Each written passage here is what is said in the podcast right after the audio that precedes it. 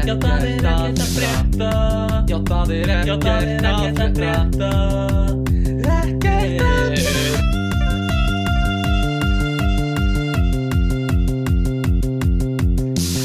Góðan, góðan, góðan, góðan, góðan daginn. Góðan daginn. Um, Hérna Leif mér að kynna þið fyrir Nýjasta þinginu í dag. Uh, Kæri hlustandi Það er Rick uh, Astley með lagi Never going to give you up We're no strangers to love.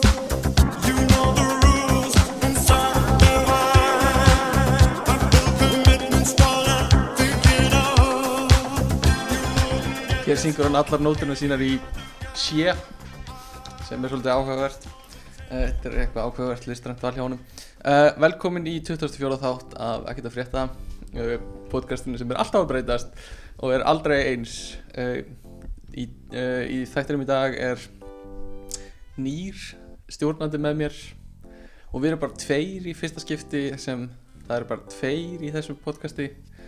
Ég kynni til leiks Björgvin Brynjarsson fættur 3. oktober 1995 velkomin. Takk fyrir það, gaman að fá að vera að hluta af þessu. Loksins, ég er búin að vera að býða eftir því sko síðan þetta fór að stað bara að fá að vera með í þessu sko.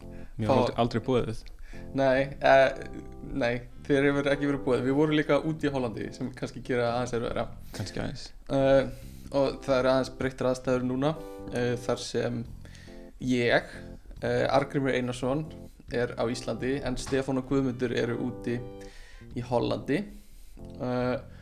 Og þetta er svona já, það er aðeins það er ekki, ekki búið að vera mikil stemning fyrir að taka upp undarfæri líka. Þannig að uh, ég ákvað bara að, að hérna gera þátt með uh, því fólki sem ég hef hérna og ég veit að Björgvin er uh, þú búin að tala mikið um að gera podcast. Sko, Já, ég hef mjög gaman af podcastum Já. og við höfum áður gert tilraun með að gera podcast.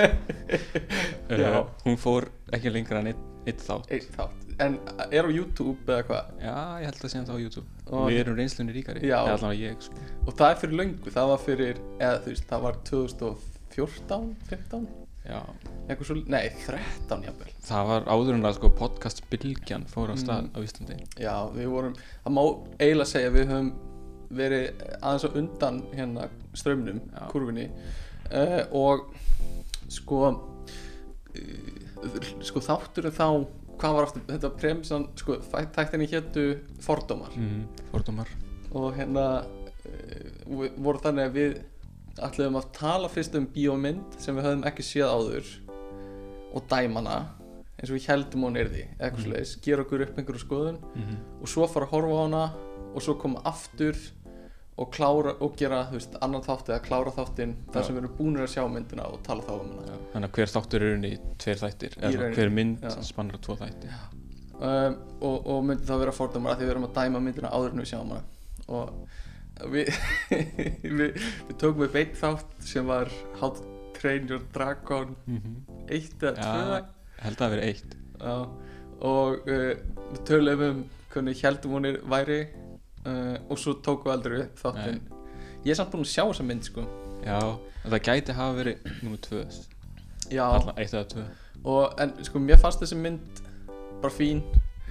Uh, Sko, ef við erum að tala um How to Train Your Dragon 1 þá hafði ég mjög gaman af henni sko. já, og ég, ef ég hefði verið aðeins yngri þá Já. hefði þetta örugglega verið svona mynd sem maður hefði raðhorst á sko, já, sennilega. Ef hún væri á AFS heima á manni sko. talandi um það uh, svona rað sko í gamla daga þá var maður bara, já, maður átti kannski 20 spólur. Mm og maður bara horfið aftur og aftur og aftur á þær. Algjörlega. Bara svona 20 sinnum á, Mhm. á þú veist Bangsimon einhver svona, einhver svona upptekinn þátt af ég sem maður tók upp úr barnafninu mm, ég man að ég átti Kalakanínu sem ég horfði mikið á. Já, Tímon og Pumba.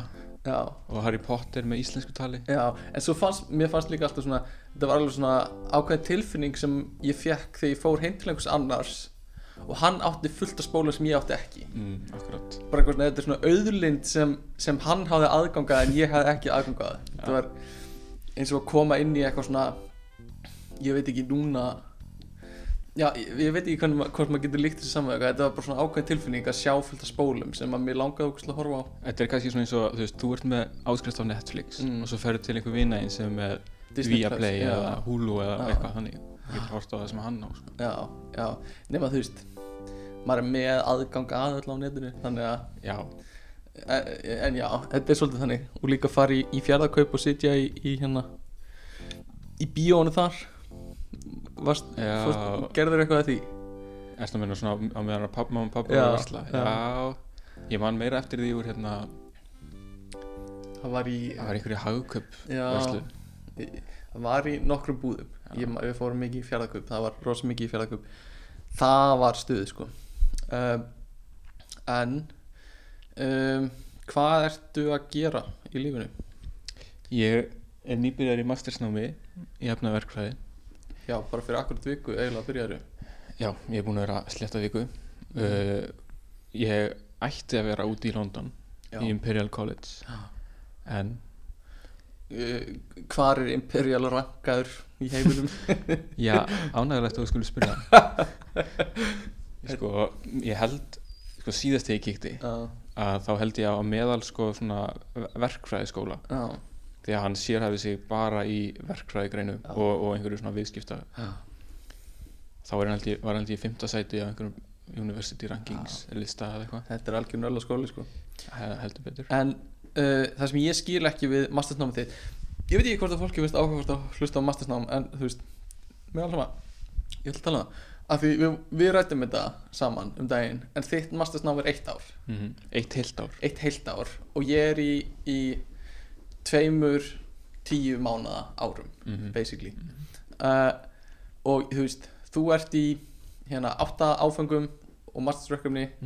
Ég er í átján áfengum og mastersverkefni sem eru svona cirka jafn langir því nú eru aðeins lengri.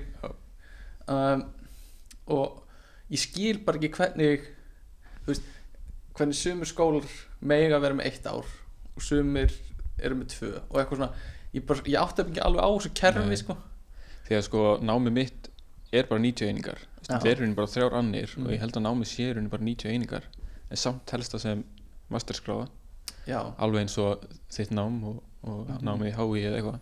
Ég sagði líka við, þú veist, ég, ég hef enga þú veist, ég hef enga trú á því að, að þitt nám sé eitthvað minna nám en mitt. Nei, þú veist, ég, gráðan er líka jafn góð og ég heldur sérst að læra bara svip, alveg svipa mikið. Mm en ég bara fatta ekki hvernig það, þið láta það virka. Nei. Ég veit fatt að ég heldur því að ég er búin að vera að velja áfanga núna Mhm. vala áfangana mína.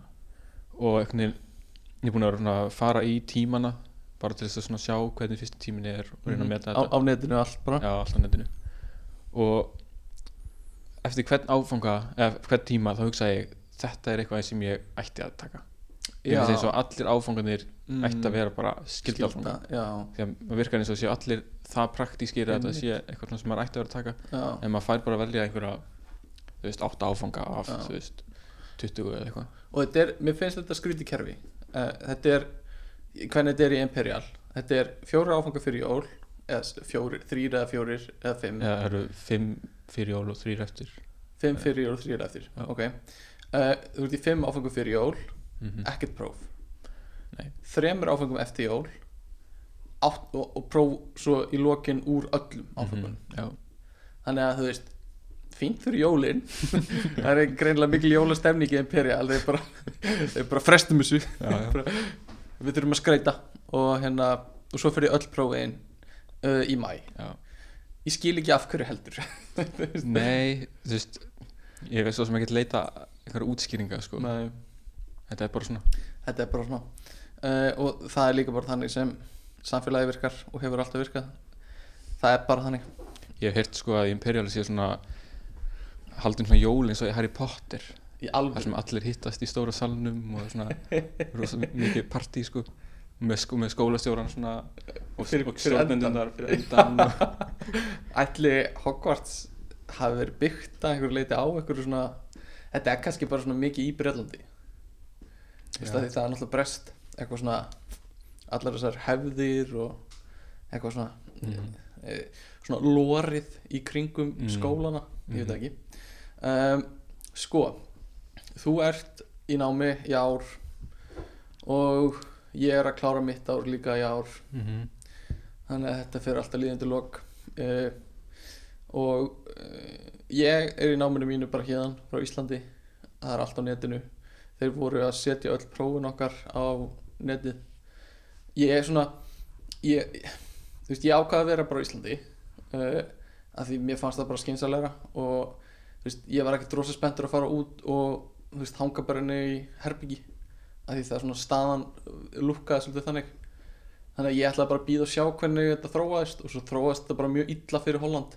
Þú veist, Holland er eitt fárra ríkja sem er verðstatt en Ísland akkur núna sem svona sem er smá jákvæmt fyrir mig af því þá er ég ekki með móralið yfir því að vera ekki úti.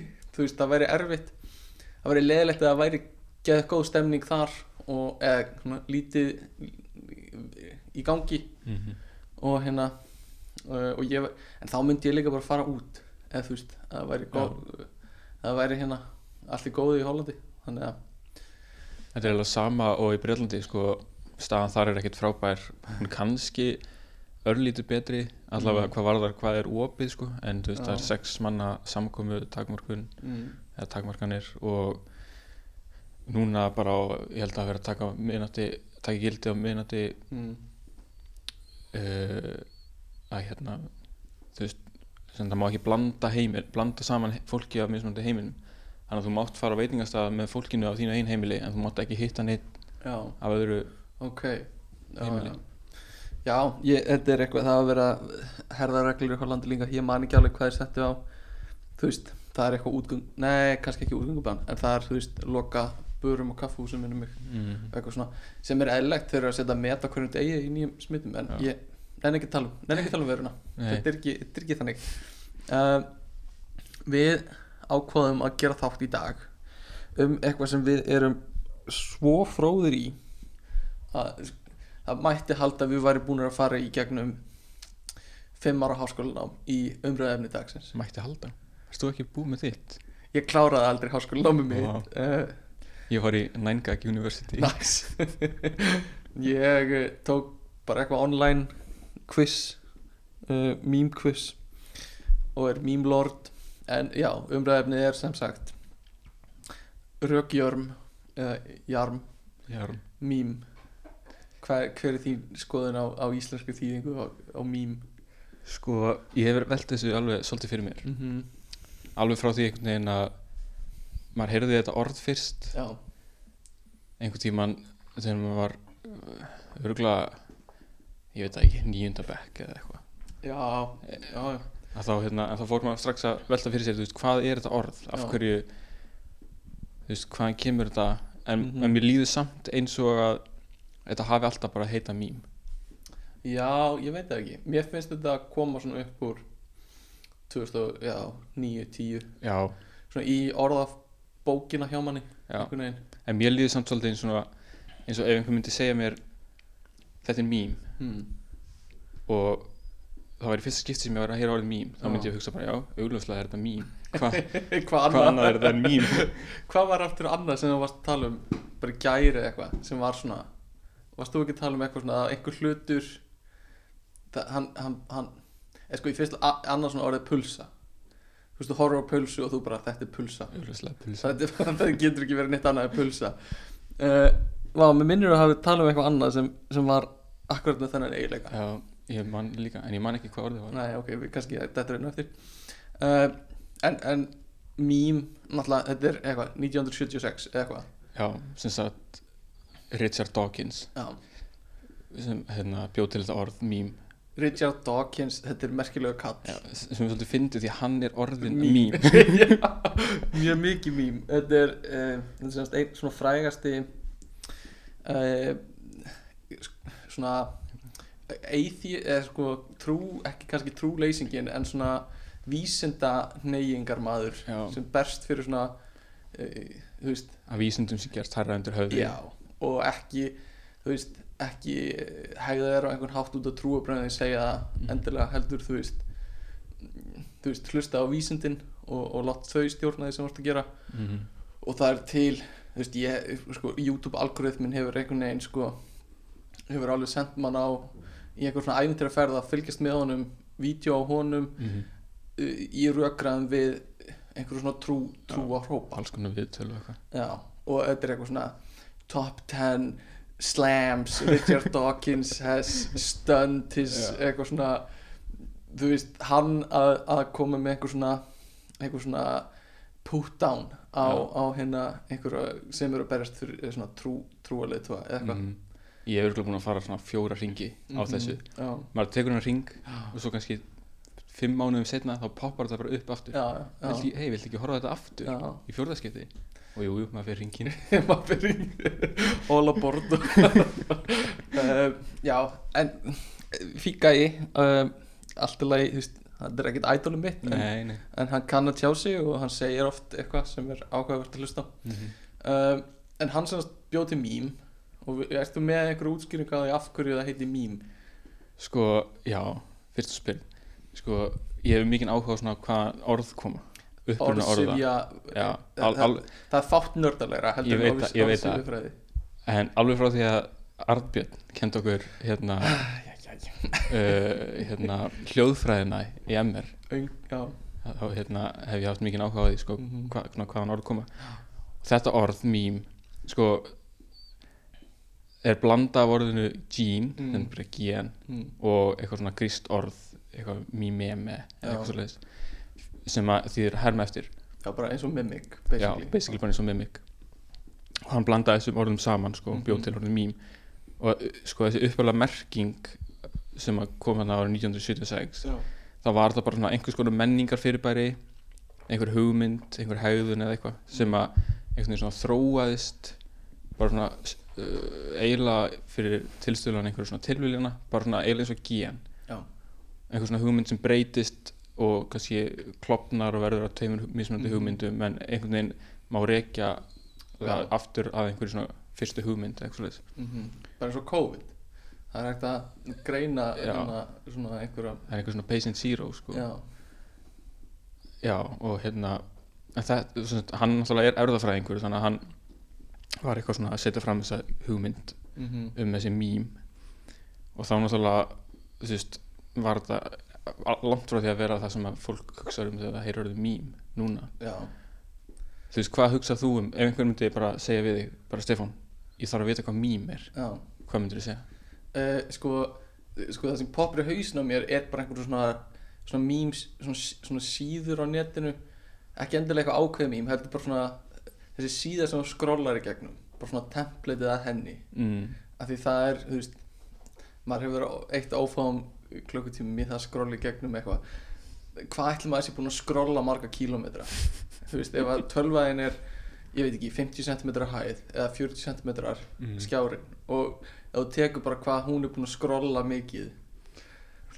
Tvo ringi kringu nöttin allavega, mím sko, ég hef svona lúmst sterka skoðun á því hvað mér finnst mím vera. Mm, uh, þetta, er, þetta er vissulega eitthvað svona grín sem er á netinu mm uh, og dreifist um.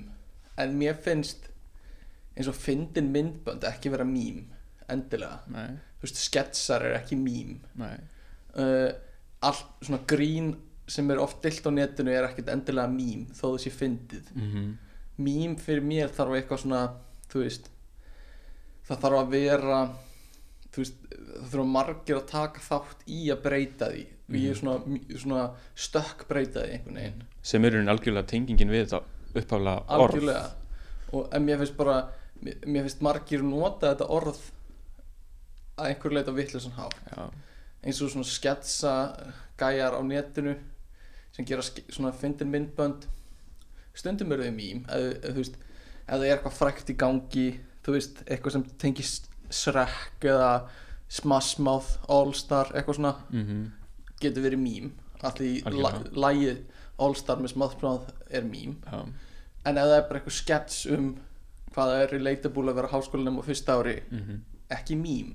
Nei. það fyndi myndband. Já, já. uh, og oft, þú veist, mím svona uh, svona, þeir dæmi gerða mím er mynd ekki myndband í mínum huga. Mm þú veist, það er uh, og já, og þú veist e einhver texti oft skrifaður á það sem hefur, þú veist brenglast í gegnum, þú veist, gegnum þú veist kopíin sem eru gerða af þessi mými eins og þú veist kannski fyrst er skrifað I hate my hat þú veist einhver sem hattar hattinn sinn og svo eftir þú veist 20 daga er þetta farið að verða my hat hates me mm. þú veist þá er þetta búið einhvern veginn að fara gegnum svona gegnum svona hérna uh, svona þróun að einhverju leiti og búið að svona skopskjælast yfir í eitthvað nýtt Mm. Og svo er kannski komið annað sem er eitthvað svona eins og þú veist, my snake hates me. Þú veist, þá er búið að tengja það við gamla mýmið en það er búið að setja það í nýjar þú veist, nýjan búning. Mm. ekki hattur heldur snákur núna. Mm. og það er einhvern veginn búið að svona þú veist, stökkbreyta í hingað og þangað. Og en, þú veist svo líka, sorry ég bara tala og tala. Þú veist, þarf þetta að vera einhver svona um, svona hóp uh, þátt, eða svona þáttaka á miklum hóp.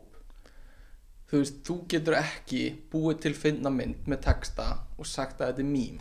Nei, sko, þú veist, ég bara, bara, sorry, bara þú veist þú getur ekki búið til bara, upp, bara frá grunni. Þú veist, þú þarft einhvern veginn að taka eitthvað sem er komið og, og halda áfram með það. Já, þú veist, fyrsta myndin af einhverju mými fyrir mér er ekki mím. Nei það er ekki orðið mím fyrir en í raunin þú veist ekki hvaðan það kemur mm. heldur þú sér það bara einhver staðar og þú tekur það og heldur með það áfram Mhm. þá er það orðið mím Já, ég er alveg samláð því Þú getur ekki, veist, fyrst vegna þess að mím snýst svo mikið um þess að þróun sem verður Mhm. að þá getur ekki bara ein mynd stök Nei, sem hefur aldrei verið til áður já, í neinu formi Já.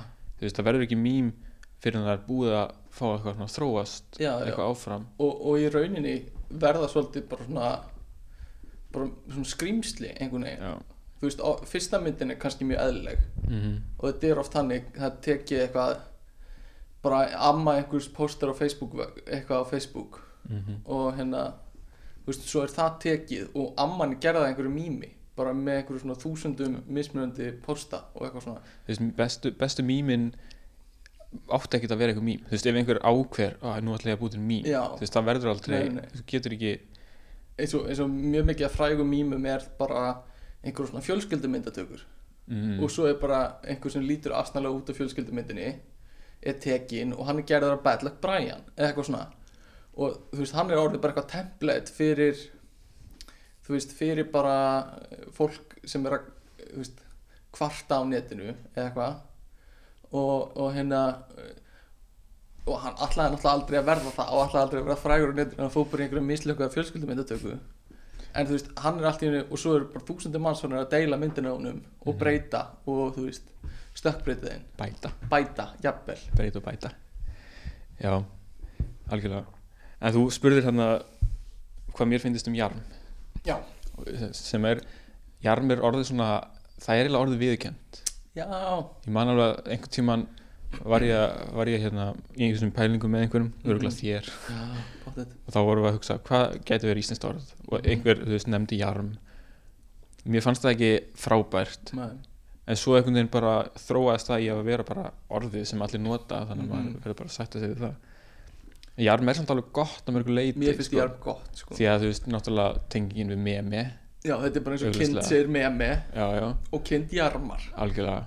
Og það er náttúrulega, þess það sem er gott er þessi tenging við, við ennska heitið Mhm. og hvað þetta er bara svona stutt orð. Já, og náttúrulega þú veist, þú getur farið þess að langsóttu tengingu og þú veist, eitthvað vegna þess að kindur það er jarma og Mhm. jarma í kór og allar hermötu hvor annari, bla bla bla. Mm sem er samt svona smá eftiráskýring. Já, líka meira kýr sem eru já, það er meira kýr en þú veist, en það er þetta svolítið eftiráskýring þú veist, Mhm. þannig að veist, þetta orð er, er, er gott og hvað annað, sko Mhm. en ég fór í samt smá leit að, að hvaða önnur orð hafa, kom til greina hafa komið til greina, sko og ég las einhverja grein á vísindafnum þar sem maður var að spyrja hvað er mím mm. og hvaðan kemur þetta orð og þá voru þá, var vísað einhverja, einhverja eina grein sem einhver skrifaði Mhm. eða sem var held í útvarspistill og hann kom með, eða sá sem skrifaði það hann kom með þá hugmynd að kalla þetta farandbrandara. Þetta er besta hugmynd. Er, þetta er besta hugmynd sem ég hef þú veist, þú getur ekki valið verra heldur en farandbrandari.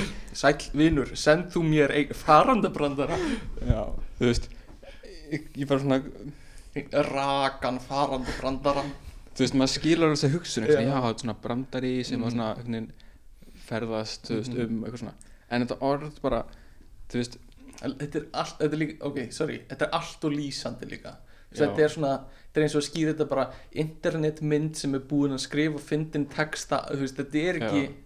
æ, þetta ekki en veist, það það sem ég hugsaði sko þegar ég heyrði þetta ok, þú ert með þetta orð mm.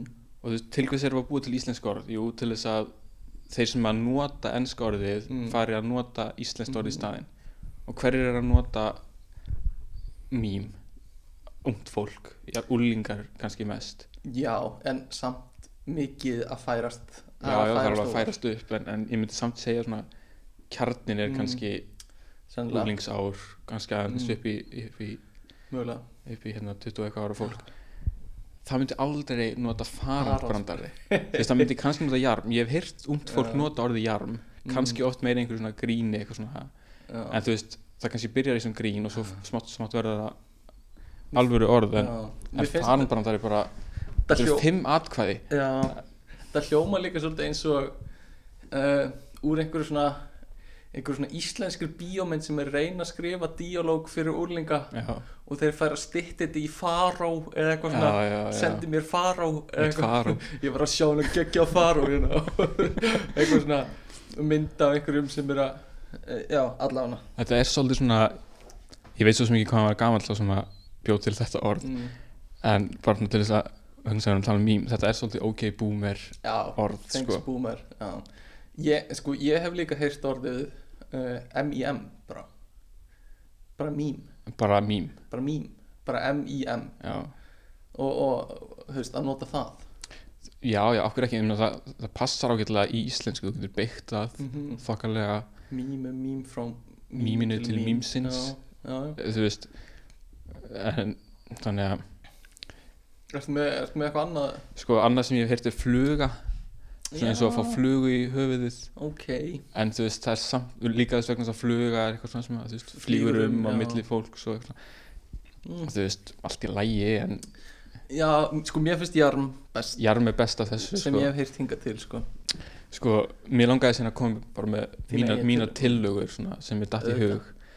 Uh, ekki það að það er síðan eitthvað betur en jarm en það er allan eitthvað, eitthvað sem má kannski pæli fyrsta hugmyndin sem ég fekk var herm.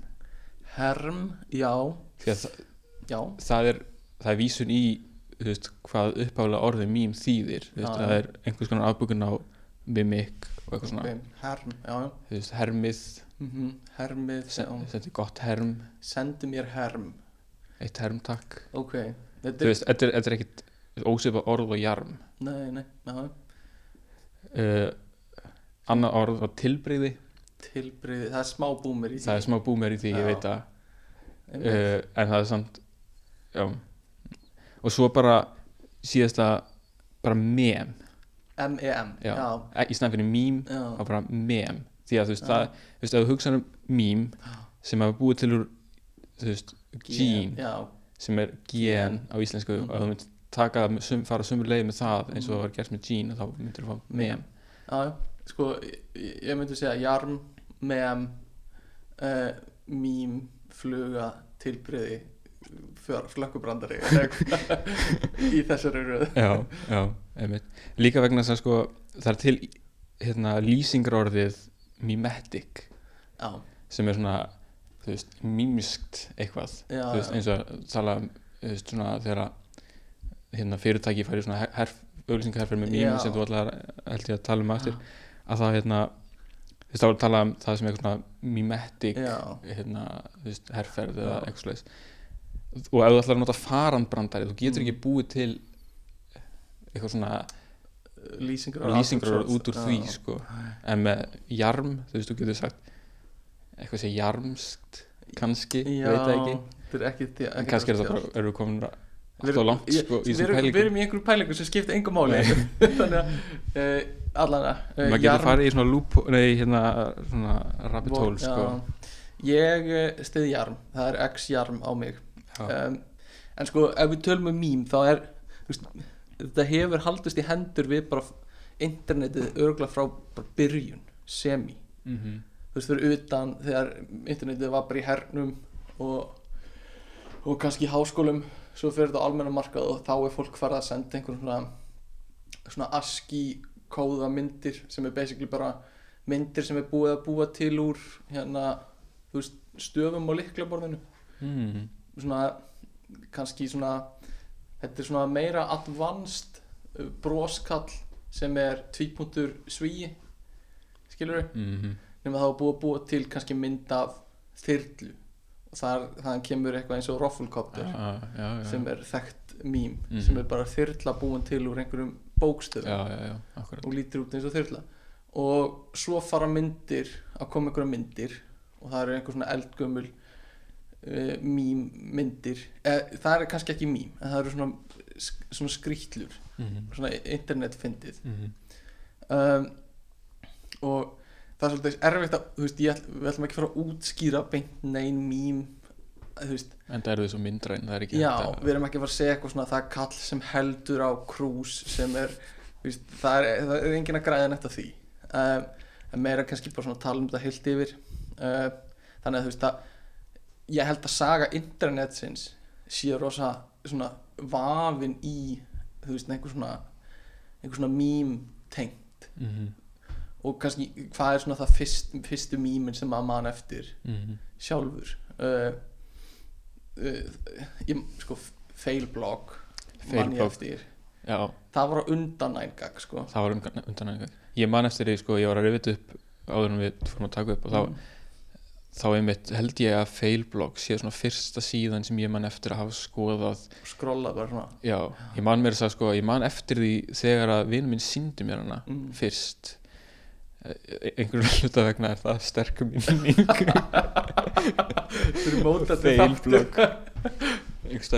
Man, sko það var í tölvustofu í Garðaskóla sem er- ok. ég, ég, ég veit ekki okkur. Kannski er þetta einhver svona tilbúin minning. Já, þetta er mótandi þáttur í Já, því miður. Nei, já, failblog En það var samt ekki beint mím Því að það er bara svona myndir Já, af fólki að já, feila já. og myndbönd af einhverjum að detta.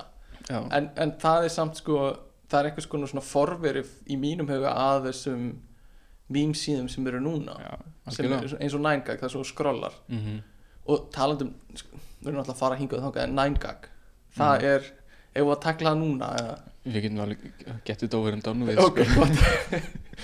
uh, 9gag, þetta er svona mesta love-hate relationship sem ég á við Já. nokkra heimasíðu af því mér finnst svo lúðalegt að gera þetta eða þú veist, skoða þetta Mhm. og ég ger þetta aldrei á almannafæri eða í kringum annað fólk Ertu ennþá að skoða nængag? ég ger það alveg, já, já alveg, þú veist, svona semireglulega Ok en aldrei í kringum annað fólk mér, mér finnst bara almennt Hvort sem það nængag eða önnur síða mm. Þú veist, ef ég er að skoða mím sem þess að dana gerist mjög sjaldan Mm. En e ef ég sé að einhver gæti sé að ég sé að skoða mím Já, þá hætti hætti ég líka. En sko Gummi uh, sem, já, sem var í þessu podcasti uh, hann gerir þetta heiklust bara ef hann hefur fimm mínútur og er að býða einhvers staðar Já, hann fer hann á, á nængag sko. og mér, þú veist bara flott í honum, en ég myndi aldrei gera þetta. Eða þú veist, mér finnst eitthvað krins við það. Algjörlega. Uh, sem er hypocritical uh, svona smá hræstni í mér mm. af því ég skoði þetta í laumi. Uh, en hérna En hefur gaman að því?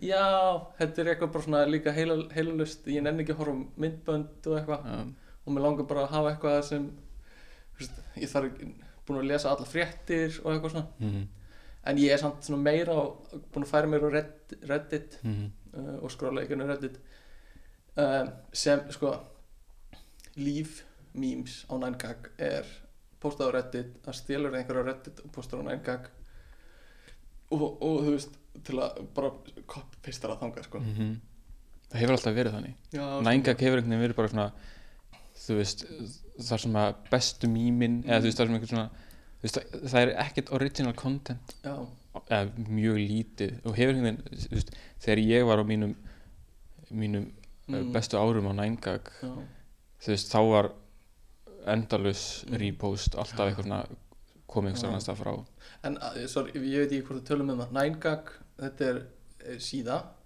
9gag.com ég held að það sé kínversk uppruna uh, sem er með bara myndum sem fólk posta myndum, gifum eða myndböndum sem áður eiga vera fyndið um, upprunalega voru nýju myndir á hverju síðu og svo þurftur að þá varstu búin að skrolla niður alla síðuna þá þurftur að íta á svona next taka Mhm. og þá fórst á næstu síðu og férst aftur nýja myndir þess vegna heitir þetta 9gag um, og, en sko þetta á að vera fyndið Mhm. en núna er þetta oft ekkert endilega fyndið meira bara eitthvað svona þú veist, sjáðu hvað ég, ég var búið til góða mat og, og þú veist eh, takk 9gag fyrir að vera alltaf til staða og svona sem eru uh, asnalestu póstanir og þú veist sjáðu þessa náttúru og eitthvað svona þetta er bara eitthvað svona eh, eitthvað svona staður á internetinu fyrir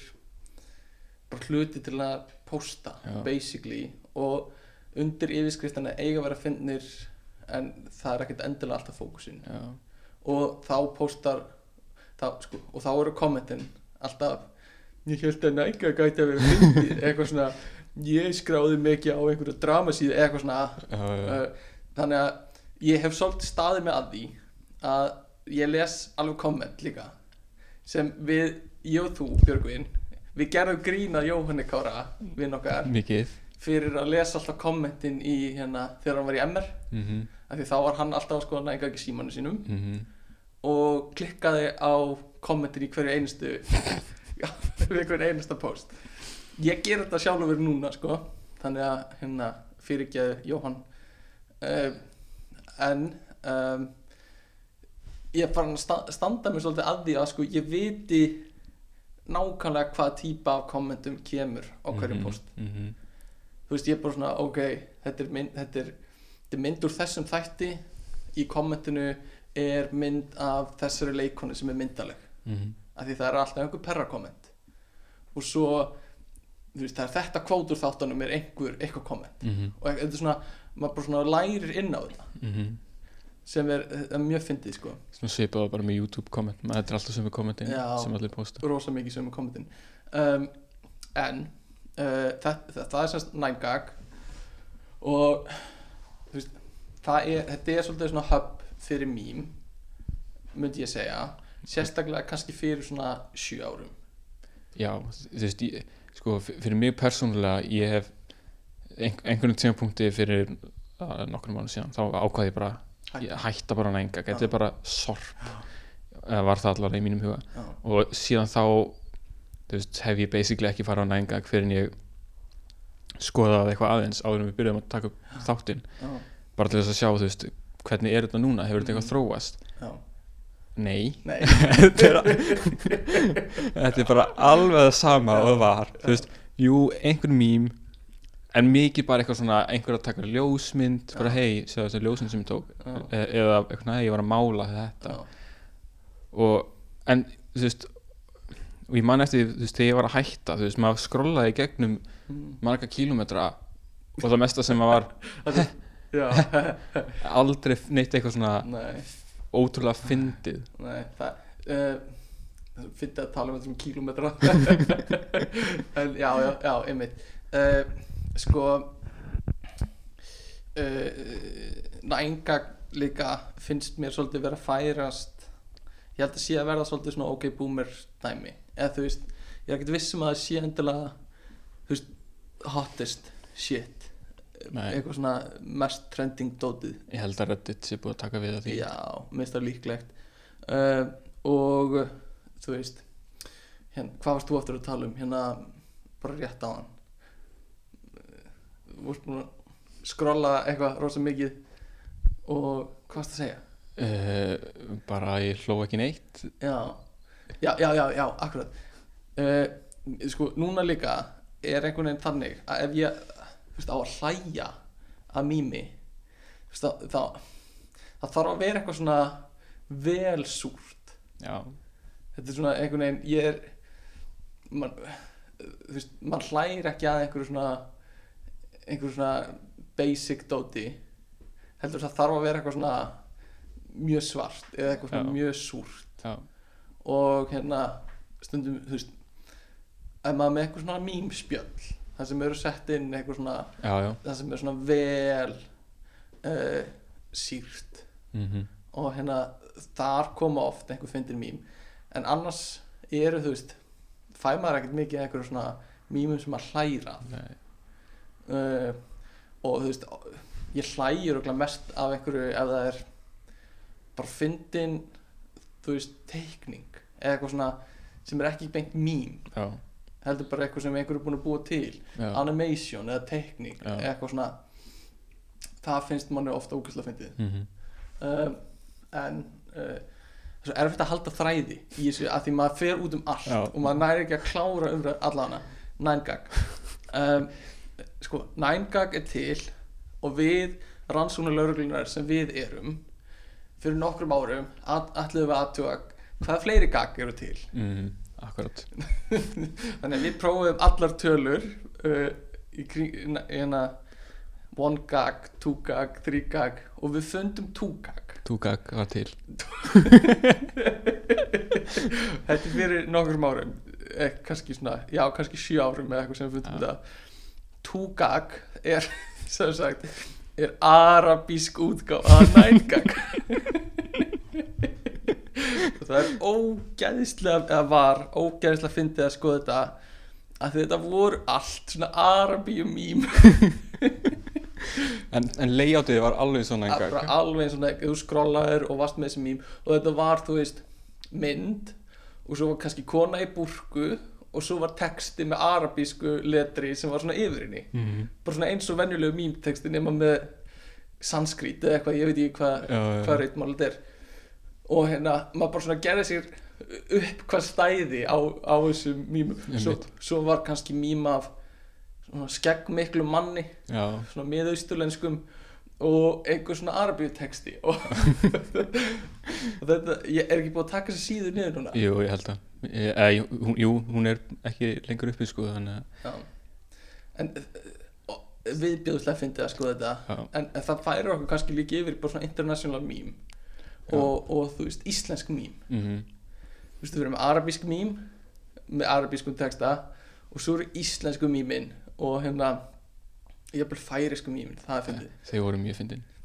Um, ég man eftir einhverju síðu ég fann hann ekki á Facebook sem var eitthvað svona íslensk mím. Já, og þau fjölluðu um þú veist ég man sérstaklega eftir postum um Jón Sigursson mm sem var eitthvað svona að reyna að vera relatable eitthvað svona eitthvað tengt sjálfstæðisbaráttunni og það var fært, í einhver svona já, já, eitthvað svona bara ég og boys að, hérna gefa út fjölni eða eitthvað svona mm eða eitthvað svona cracking up a cold one with me and the boys svo mynda Jón Sigursinni og einhverju svona sjálfstæðis einmitt.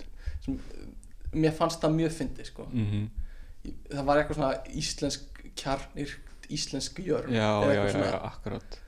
Ég, ég fann þetta ekki uh, en mér fannst þetta mjög fyndið. Já, en núna eru íslensk mím bara eitthvað svona Instagram.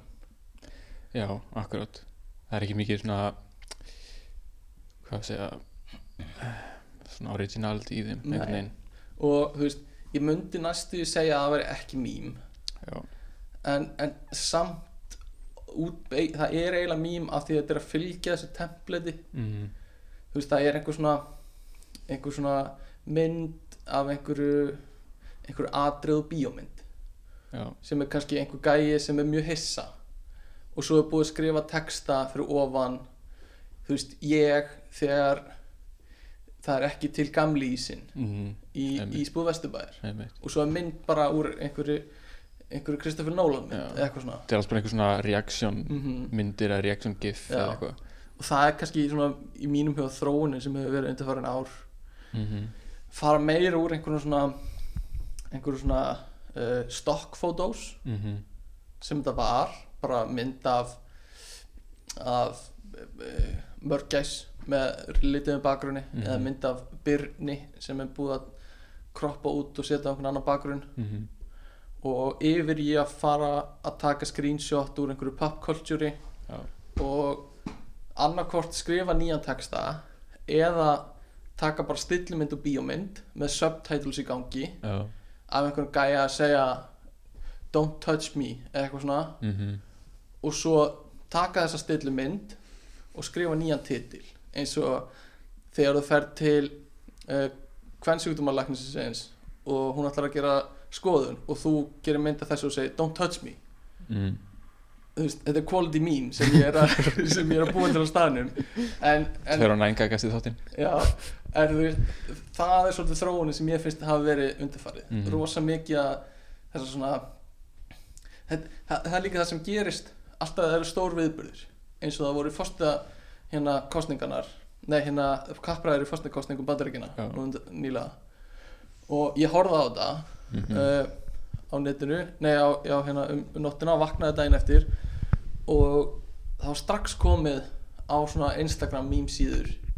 Þú veist stillumynda Joe Biden og Mhm. texti fyrir já, eitthvað svona would you just shut up? Já, eða já, eitthvað svona. akkurat. Og þú veist minimum effort mhm, en allir að deila þessu. Uh, í staði fyrir fyrir kannski tíu árum var ridiculously photogenetic guy. Mhm.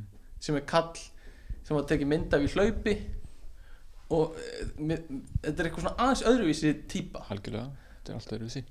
Svona, og, og það var líka rosa mikið eitthvað svona eins og, eins og þessi ridiculously photogenetic guy kall sem er að hlaupa í marathoni og að einhverjum ástæðum lítur mjög vel út meðan allir aðrir eru sveittir og ógíslegir uh, og þá er þetta eitthvað svona went for a run uh, but is eitthvað svona ég veit ekki, þetta var eitthvað svona um hann.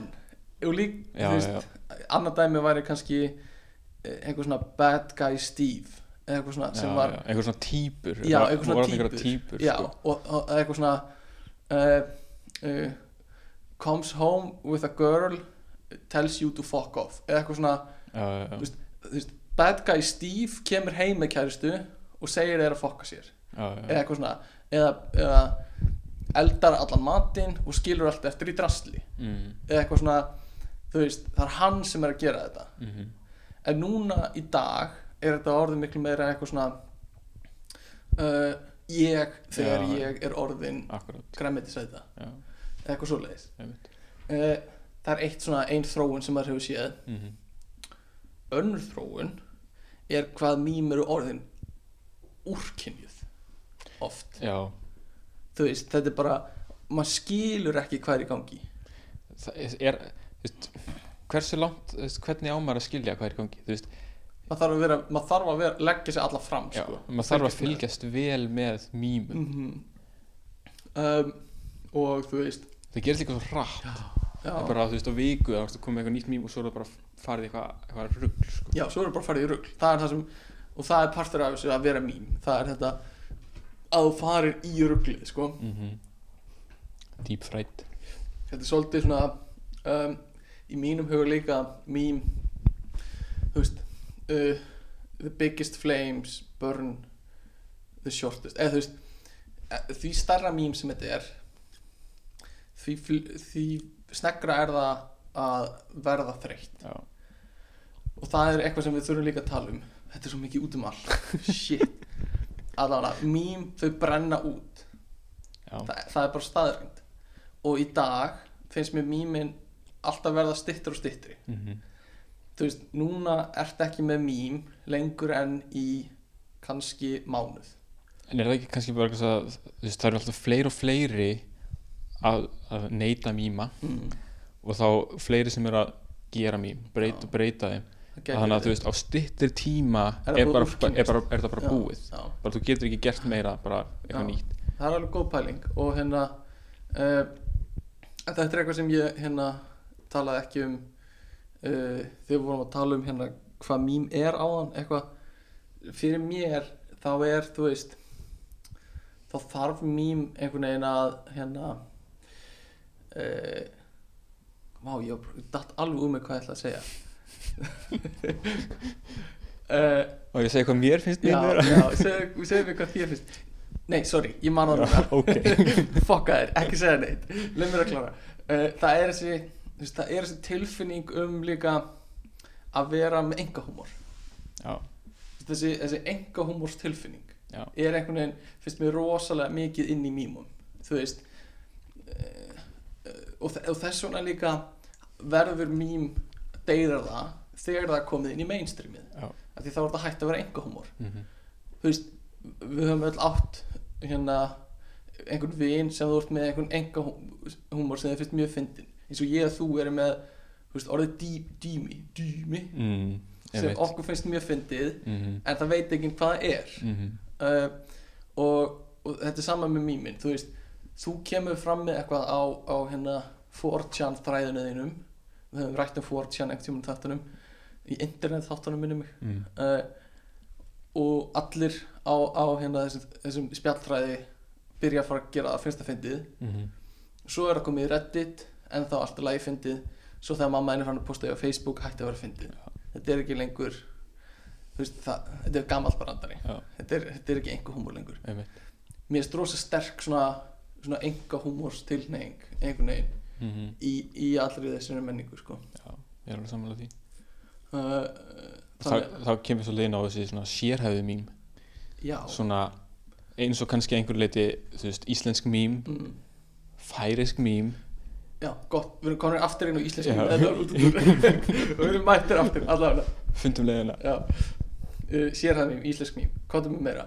Sko, sko bara vegna þess að við erum að tala um færisk Förejar, föreisk mým já þú veist, ég var aldrei mikið inn á þeirri síðu Facebook síðunni en þaðan kom samt örgulega mitt uppáhaldsmím. Ok, sem að ég, ég svo á krossinu þú veist hvað ég er að tala um. Sko Jésu og krossinu mým alveg borða páskaegg en ég bara hanga á krossin já, þetta er mynd, ok, við erum, við erum að lýsa þessu, það er alltaf mynd af Jésu hangað á krossi og svo bara eitthvað svona úrkynja eitthvað svona eins og það sé íslenska nema bara einhver, einhver vel illa gefin. En þú veist, er þetta færiska? Hvað, ég, ég vissi ekki að þetta væri frá færum ég held að Ég- væri bara einhver íslendingur. ég held að þetta væri færist mím eða kannski er þetta eitthvað svona sem að einhver íslendingur bjóð, bjóð til sem að þykjast vera færist mím Aha, ég, Ég- ég vissi ekki neitt að Ég- þetta tengdist færum ég, ég held að það er eitthvað að bulla- sem væri mjög fyndin. En mér fannst það að gera það enda fyndnara að þessu, ef þetta færist mím Já, ef, ef, ef þetta er ekta færi, ég veit það ekki. Uh, Borðaðu páska ekki færi um ég, ég veit það ekki, já já. Segjum það bara. Shit, þetta, já, Þess, þetta er gott mím færiska er bara svo fyndin vegna þess Mm. hvað hún er líka íslensku. Nei, þe- Já, þetta er bara uh, Já, þetta er bara grín tungumál, Já. basically. Þú veist, ef maður opnar kringvarpið sem er MBL færi uh, þá, þá basically bara hvað einasta frétt sem það tekur er grín. Mm. um, og uh, og hérna ég veit ekki veit ekki hvort maður á að lesa eitthvað. Nei, kannski ekki. En þetta, þetta er bara já, þetta er gríntungumál en mjög fyndi að færi er líka svona einu landi sem Ísland getur litið niður á. Já. Og þú veist, uh, við verðum pyrruð sem Íslandingar ef eitthvað fólk er eitthvað Ísland er, er ég bara í, já, er, er einu svona háskóli á Íslandi eitthvað svona.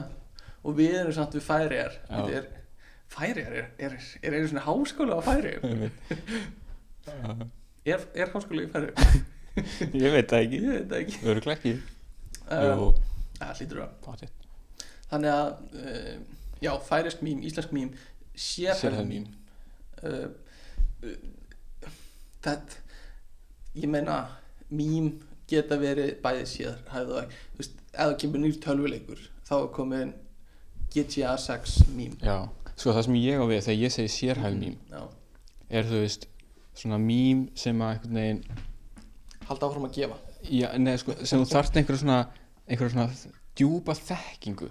Þú veist ekki bara eitthvað svona já ég veit, ég hef séð þessa Já, mynd já, eða ég hef spilað já, hann tölvuleik heldur þú veist til dæmis já, eins og þetta með Jón Sigursson jú, ok, Íslendingar flesti þekkja þessa sögu þannig séð, Mhm. en eitthvað svona það hann hafi dottið niður stig og ökla brotnað eitthvað svona búið til mím. Þú þarft að, þarft að vita svolítið. Um, já, einmitt um og, það. og það einhvern veginn gerir þetta svo fyndir líka hvað, þú veist, sjálfstæðisbar og það Íslendinga er eitthvað svo alvarlegt mál eitthvað, og svo bara búið að gera það einhverju, einhverju gríni einhverju gríni. En og svo líka þú veist, mínar uppáhalds mýmsýður voru á Facebook eins ræðilegt og það hljómar. Mjög. En þú veist það voru mýmsýður eins og Mathematical Mathematics memes já, já, já. sem bara mým um einhver svona starffræði sem þú lærir ekki fyrir ert komin á þriðja ár sko í verkfræði í háskóla. bara ég að, að heilda yfir uh, þú veist, kúlu heild, kúlunits heildi Já. svona, Eit- eitthvað svona eitthvað svona bandir á milli hérna, Newton og Leipzig. Eitthvað svona hvort, hvort diffraru með Newtona og mér varst bara svo fyndið þú veist ég veist, ég var svona að byrja að skoða þetta þegar ég var kannski á fyrsta ári í, í verkfræðinni. Já, og svo smá saman lærði maður meiri meiri starffræði og fór að fatta fleiri og fleiri brandara. Og það var bara svo hvað það var einhvern veginn. Þess þetta er enga húmórin í þessu. Já, algjörlega. þú kemst inn í meira exclusive hóp já, og, og þér finnst svo skrítið líka að þessi búið að heima færa mýmin yfir á veist, þi- þinn hóp já, einhvern veginn það er mjög fyndið sko. Já. og svo líka svona latex og eitthvað svona. Það er e, illa nördalegt. Það er mjög nördalegt en það er bara, einhvern það er bara svo fyndið þegar búið að taka eitthvað svona ógislega nördalegt og búið að gera það að einhverju svona ógislega barnalegu einhvern veginn. já, ég, um, ég, ég, maður hefur tekið eftir þessu á Instagram. Þá eru rosa mikið að deildum HÍ með Já. sér já, mýmsíðu einmitt. Eins og læknisfræði mým og ég, ég hef skrollaði gegnum það. Mm sumt finnst mér fyndið. Sumt finnst, finnst mér ekki fyndið af því ég tengi ekki við það. Uh, veist eitthvað þegar sjúklingurinn kemur inn og þú veist, hann talar ekki íslensku eða ég veit ekki. Frábær. Og það er svona lefu kall nei, uh, læknisfræði mím uh, hjúgrunafræði mím Mhm. um, ég veit ekki hvað algoritmin á Instagram heldur um mig en ég fæði rosa mikið af hjúgrunafræðingar mýmum á ennsku eitthvað svona nurse nurse memes ok, ég, er, já, ég veit ekki, ef þú ert að hlusta Instagram ég er ekki hjúgrunafræði uh, þó að, já, allt er lagi að fá það er til tölnafræði mím mm. síða sem ég held að tölnafræðin í HÍ haldi úti það finnst mér oft fyndið. Uh, og þú veist ég held að sé til verkfræði mím sálfræði er til. Mhm. Uh, þetta eru svona alls konar en veist, þetta eru mím í mínum huga af því þau eru að nota þekkt template já, sem er þessi mynd, texti. Mhm. Uh, manst þú eftir síðu sem var hérna mm, já, bara Bergland Festival já, sem var bara gif, gif. og ég þegar já, eitthvað. já. Er það mín? ég veit það ekki. Ég held veist, ekki sko. ekki, ekki veist, ekki strángri merkingu en Nei. ég meina merkingin er eins og við erum búin að tala um mjög víð já. og loðin. Þú veist, basically meme er bara eitthvað fyndið á internetinu. Já. það getur sömmerað upp með þessum orðum. Mhm. nei, samt ekki. Eitthvað á internetinu. Uh, en já, ekki endilega fyndið. Uh, þarf það, já það þarf sannlega fyrir internetu en sko mér finnst mím ekki vera eitthvað sem fyndir internetu nei, þú veist, mér finnst það ekki heldur.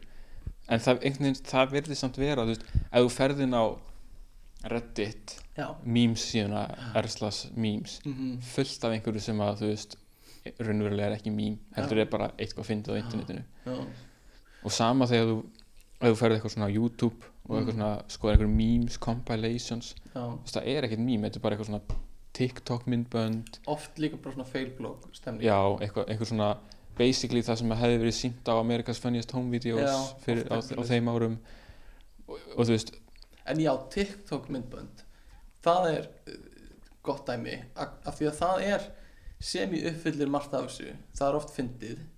Það er oft eitthvað svona eitthvað svona upprunlegt myndband sem er skopskælt og þú veist hérna stökkbreytt. Mm, fyrst kemur eitthvað myndband og svo kem, tekur einhver annar og breytir og breytir og breytir og, og svo framvegis. Veist, þannig að það uppfyllir það. Já, já, það er oft fyndið. Þú veist það, en einhvern veginn finnst manni ekki eins og TikTok eigi að fá mím standard þó að það gæti alveg verið. Uh, það er svo margt í þessu. Og þetta er svo þessi, þessi, einn þáttur er ekki nóg. Það sem maður hefði þetta að gera það er að taka bara tíu þátt að seríu já, og bara afmarka þetta mjög vel.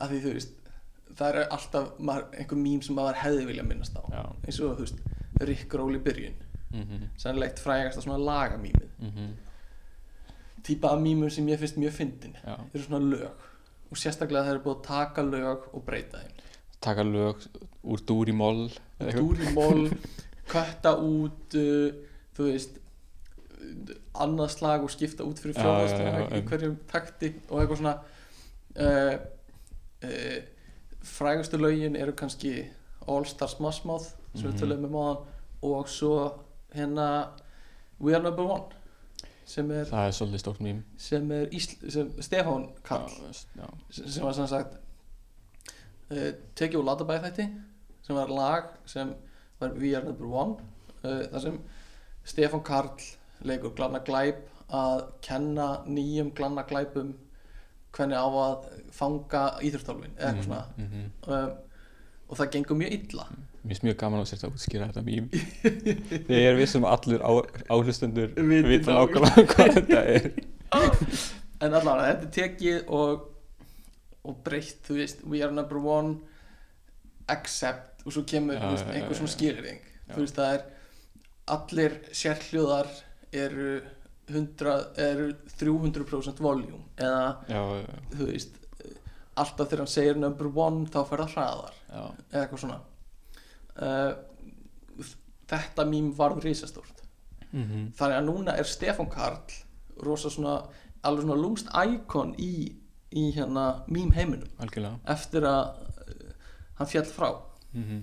og hérna rosa margir á internetinu þó þeir hafi vita ekki endalega hver hann er sem bara þetta var legend. En það gerði hann líka svo mikið fyrir mýmið Þú veist, hann, hann gaf út lægið án söngs Þú veist, hann gaf út þú veist, öll þú veist, hljóðfæra tr- hérna, þú veist, Trökkin. trökkin Já. þú veist, fyr, Mhm. hvert fyrir sig. Þannig að fólk gætt bara gert nákvæmlega það sem það vildi við þetta. Það það sem hann gerði líka var veist, hann varð mím, hann bað ekki um það. Eins og allir, þá varð hann bara mím. Mhm. og hann tæklaði það rosa vel. Mm þú veist, hann, hann brást ekki við reyður og bannaði það. Hann spilaði bara með. Spilaði með það er nákvæmlega þannig sem þurfti maður á að gera. Þú veist, veginn þannig hefur það sínt sig já, að þetta er, er þetta ekki stræsand effekt? Þú veist, ef, ef þú lendir í einhverju svona á internetinu þar sem þú ert í, í slæmum aðstæðum og vilt láta banna eitthvað Mhm. eða taka það af nýttinu mm það virkar alltaf í öfuga þannig að í rauninni eina sem gert, getur gert við þetta skrýmsli sem er internetið er svolítið að halla þér inn í það og Mhm. bara taka þátt já, og hann gerði það, hann gaf út myndband Stefán Karl, hann sem að sönglægið þegar hann var live. Já, live og svo náttúrulega er hann með krabbamein og deyr því miður ja, já, og akkur hlústu? Að við erum að takla þetta svítla uh, og hérna uh, og verður rosa stór. Og núna alltaf verður postað svona mynd af internet legends e- eins og Nightgag mm þá er hann mjög oft á myndinni. -hmm. þannig að um, það er já, það er svo mörg dæmi um fólk sem tæklar eitthvað svona ekki rétt. Þú veist, lendir í einhverju svona viral dóti. Já, og hérna já, verður kemur ítlútur í eitt, eitt svona stærsta minni einhvern veginn í bíómyndum. Uh, ef það er ef það á að vera eitthvað svona internet tengt sérstaklega algengt svona fyrir fimm árum þá var þetta, þú veist einhver karakter í einhverju þáttum gera eitthvað aðstæðanlegt sem er tekið upp á kameru og það postað á netið. Og það var búið að autotuna það. Ok. Veist, þetta er eitthvað svona í, í bandarískum þáttum eða í þáttum þá hald, eins og þau haldi að autotune af einhverju svona dóti sé aðaldæmi. Það er bara hápunkturinn. Já, er Já. hápunkturinn. Þú veist, jú, jú, þetta hefur alveg verið gert já, en já, mér finnst smá eitthvað svona asnalegt. Að, að hérna, ef þetta er gert í einhverju þáttum. Já, þetta á að sína fram á eitthvað svona hvað þetta er komið langt og hvað internetið er væðarlaust eða já, eða eitthvað svona. akkurat. En auto, og þetta er alltaf léleg autotune af einhverju. Já, sýnir kannski svolítið hvað svona fyrirtækin, svona stór fyrirtæki kannski Hollywood bara átta sig ekki endilega á stöðinni á, á internetinu. Bara alls ekki. Og bara stór fyrirtæki yfir höfuð já, bara alls ekki uh, svona markasherferðir með Geta versta hugmynd sem þú getur fengið. Já, algjörlega. Nema þegar það, maður veit ekki að það er í gangi.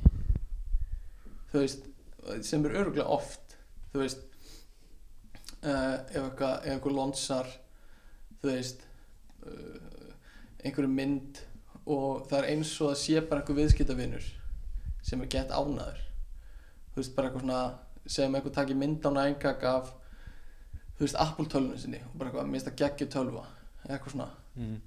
en þú veist það er kannski Apple og bakvið það eða eitthvað svona, já, svona laumuherf já, já, ég skilði þú veist það það og, og kannski og líka bara tengt pólitík skilur við mm bara að rússar að posta fullt af fuck Hillary mýmum já, já, já, veist þetta getur alveg haft áhrif. Já, en slæmar herferðir eru eins og í margi Burger King held ég að fara í. KFC gerir það. KFC kannski já.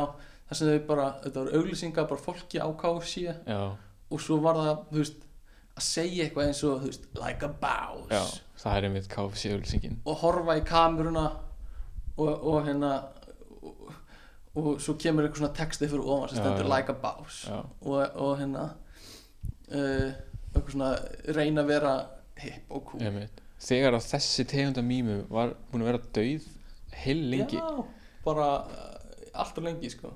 Svo er annað eitthvað tölvuleiki fyrirtæki sem var með eitthvað svona farsíma tölvuleik sem startaði mými sem heitir The Legend 27 mm. og það var bara einhver auglýsing sem kom alltaf fyrir YouTube myndband eða eitthvað af fólki við varðveld að spila síma tölvuleik og er eitthvað svona eitthvað þú er að passa þig á The Legend 27 eitthvað.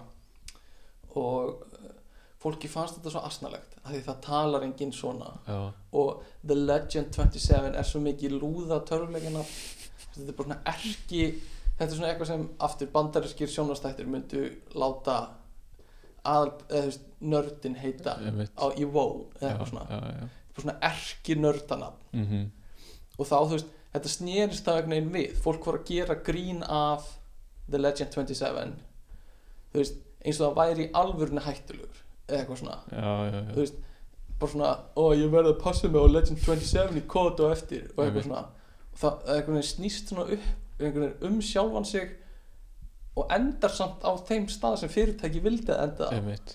en samt er það samt þegar ég, ég, veist, ég man eftir þessu mými Mm. eitthvað svona eða hafa heyrt um það en ég vissi aldrei hvaðan það kom. Nei, bara eins og með mím almennt, þú veist, þú veist aldrei nei, hvaðan það kemur nema þú Já, sért sko viðstattur einhvern veginn uppuruna já, algjörlega. Og þá, þú veist, ef, að, ef að þetta var plani á fyrirtækinu þá, þú veist, virka það þá ef að enginn veit í rauninni hvaðan þetta kom? Nei, kannski, já, ég veit ekki, kannski ef einhver googlar svo ég gerði aðan Legend 27 já, ok, ef upp. googlar hvaðan þetta kemur. Það veit já, ekki, já. kannski. Um, sko, hvað finnst þér um öll þessi challenge? Ice Bucket Challenge og planking og, og, og endalist af þessu. Uh, T-pose og núna er alltaf á TikTok einhver challenge. Eitthvað, þú veist segðu kæristunniðinni að þú fall- haldið fram henni challenge og, svona, og taktu upp viðbröðunar mm. þú veist, fínt bara já, gera það sem þú vilt mér finnst einhvern veginn eins og mikið af þessu sé engin challenge. Nei. Þetta er bara, þú veist, einhvern veginn þetta er bara þetta er bara, eitt, gerðu bara eitthvað og það er bara challenge. Nei, þetta er ekki það bætt, já, eins og já, það er bara bætt við challenge á allt. Já, Ice Bucket Challenge. Það er alveg challenge. E, e, ASL sjúkdómurinn já, já, algjörlega. Allt er lagi. En svo þú veist svo koma þessi sko eru það mím eitthvað sem breyðist út um internetið eins og þessi challenge. Þú veist þetta er, þetta er postaðu postaðu mynd af einhverju og takkaðu fimm aðra þú veist sem er að posta í story líka. Er það, er það er það er eitthvað svona vírus sem dreifist út? það er alltaf munur á einhverju sem er bara væral mm. og eitthvað sem er Já. þú veist, það er þetta, minn, þetta er svo þetta er svo ótrúlega líkt uh, bara COVID oft svona á internetinu. Já. Þetta sem dreifist svona út. Mm mm. þetta er einhver á, ein, sem ákveður eitthvað hérna shoe challenge post five videos of your shoes and tag three other people. Eitthvað svona. Já, já, og, og eitthvað svona I tag Mr. John Blanson Lons og, og hérna og svo, svo er hann þrýræðir og, og svo er þetta komið frá kannski Maryland í Bandaríkjanum yfir á, þú veist, Egilstað á Íslandi eftir, já, þú veist, tvo já. þetta er bara svona dreifist út alveg, mér finnst það svo líkt svona vírus En ég meina, en það er þetta kallað um að þetta verði væral Þú veist já. að þessi líking er búin að vera hérna Já. lengi, sko algjörlega Ertu með hérna ég var að tala um ja, klára kannski íslensku grínumræðan nei, mýmumræðana með Flick My Life Flick my life Já, sko, ég verði að viðkynna Þú veist, ef, ef það er að kalla Flick my life meme síðu Já, þá var það líklega mín uppáhalds meme síða. Ok. Þú veist, þó að memin Þú veist, það voru kannski bara fimm á dag, Já. nýja eða eitthvað. En allan í minningunni Mm. að þá voru þau bara nógu góð mhm, til þess að var hægt að bara býða eftir já. auðvitað var ég á nængag líka. Auðvitað. Hvenær var þetta? uh, þetta var 1970 eitthvað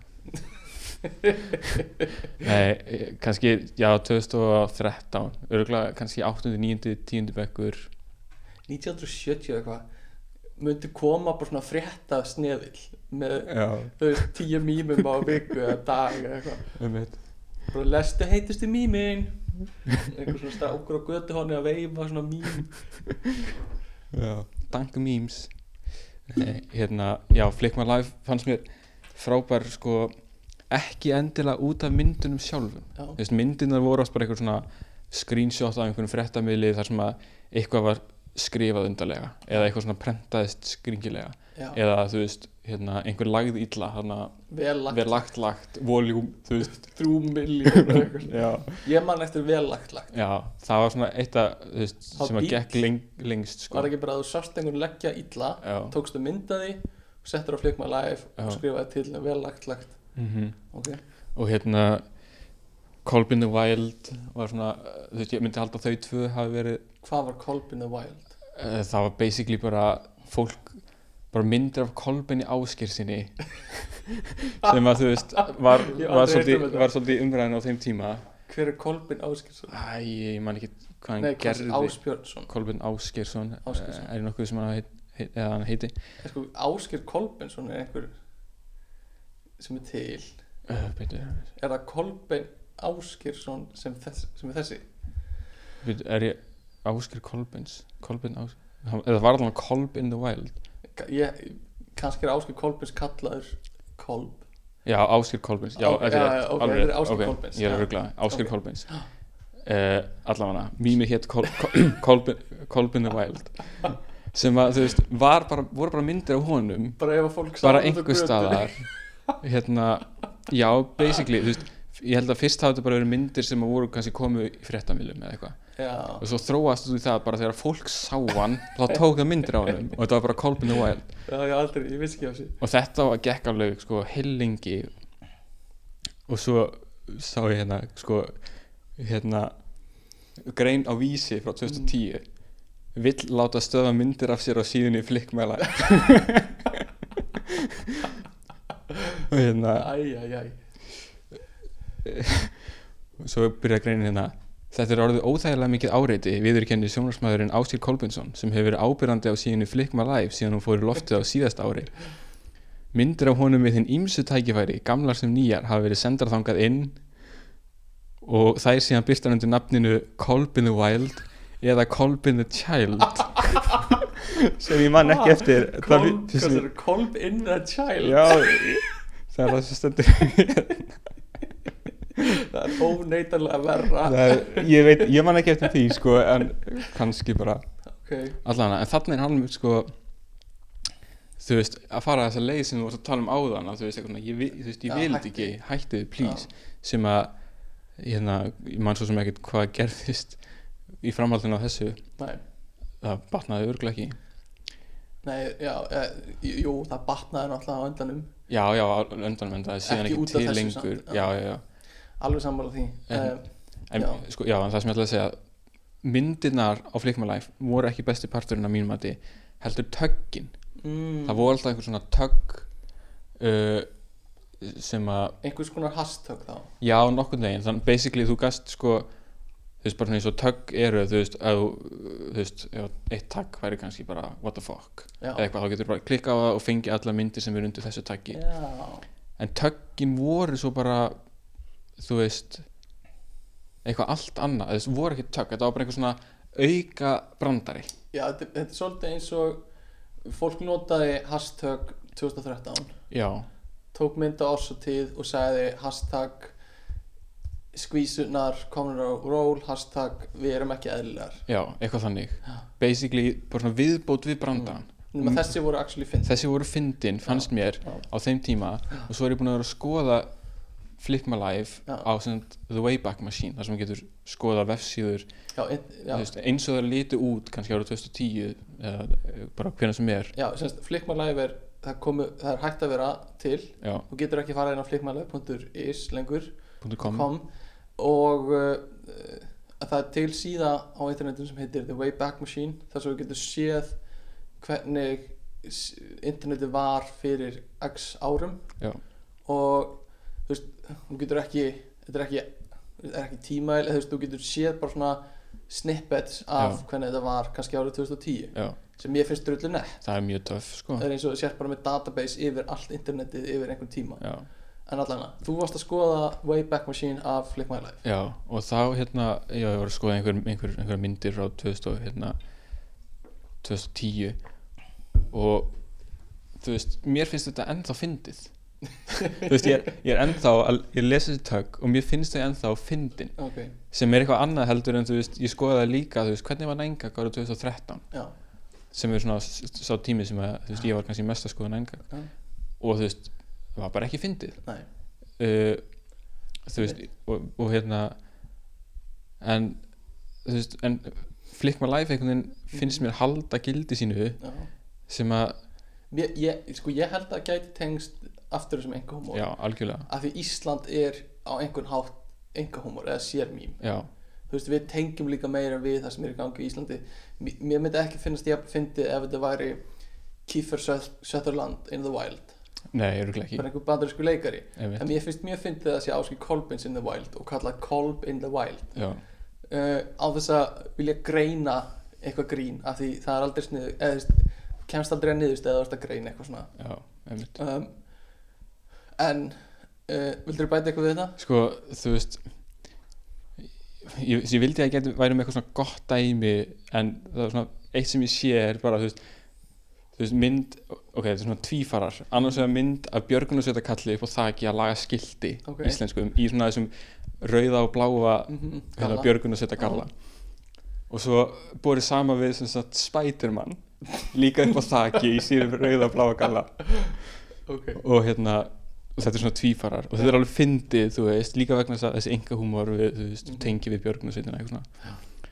Og svo er eitt taggið hérna, það vantar allt spandex í búning björgunarsveitarinnar. Þú veist, þetta er kannski ekki að fyndnast það en þetta er svona bætir við brandarann. aðeins það er svona annar leigir á krydd. brandarann. Já, þetta er svona eins og að borða pasta með salt. Já, já, þannig að þetta fannst mér þetta fannst mér alltaf besti partur við, við, við Flickmalæf og ég oft sko las ég töggin áður en ég las ég las töggin áður en ég las áður en ég- sá myndina sko. Það minnir mér svolítið á þegar ég er á nængag og það er póstur sem er eitthvað svona uh, eitthvað svona I knew you wouldn't read the title. Og svo, mm. svo les ég titilinn. Og það var svona I got you eða eitthvað svona. já, já, að því maður les ekki titilinn. Akkurat. Það pyrrar mig sko þegar ég horfði á myndina og sé look at the title. Og svo kíkir uh, I knew you wouldn't read the title. Allavega. Um, you got got. Já, það er gott gott um, sko ég verð að sjáta á þetta einni síðu á Reddit sem er Erslas Hagkaup. Já, um, ég fann þessa síðu man ekki hvernig. Uh, ég rambaði inn á Erslas Hagkaup. Hvort einhver síndi mér það ég fann það. Þetta er sem sagt það sem ég gætt séð starfsmenn í Hagkaup að posta mýmum. Mm, og voru að mýma lífið sitt sem starfsmenn í einmitt. Og svo komu einhverjur á vagnin mögulega ekki starfsmenn í Hagkaup og mér fannst þetta viðbjóðslega fyndið af því þetta er einhver svona enga húmor Mhm. einhver svona sérgrúpa Mhm. og að þetta sé Hagkaup og starfsmenn í Hagkaup að mýma sín á milli mér finnst eitthvað svo súrt og ógeðslega fyndið og ég bjóð til þrjú mím held ég og postaði á hérna þessa grúpu mm við góðar viðtökur Já, ég held ég Þetta var líka góð mím sko, ég man, man eftir þessu sko. ég held ég eigi annað mest lækaða Já, postinanna eða eitthvað slis hápunktur lífs uh, undir dulefni að sjálfsög uh, en, en mér finnst mér, mér finnst svo fyndið að ramba inn á svona subreddit. Mm og sérstaklega svona meme subreddit sem eru að posta bara einhverju svona rosalega sértæku eins og vorum að tala um aðan þú veist, mathematics meme. Uh, þessi, þessi greinar í háskólanum meme. Mm hagkaups meme. -hmm. Og þau voru alltaf að dissa bónus. Já, mér finnst eitthvað svo fyndið við að gera sér upp eitthvað svona andstæðinga já, til þess að mýma.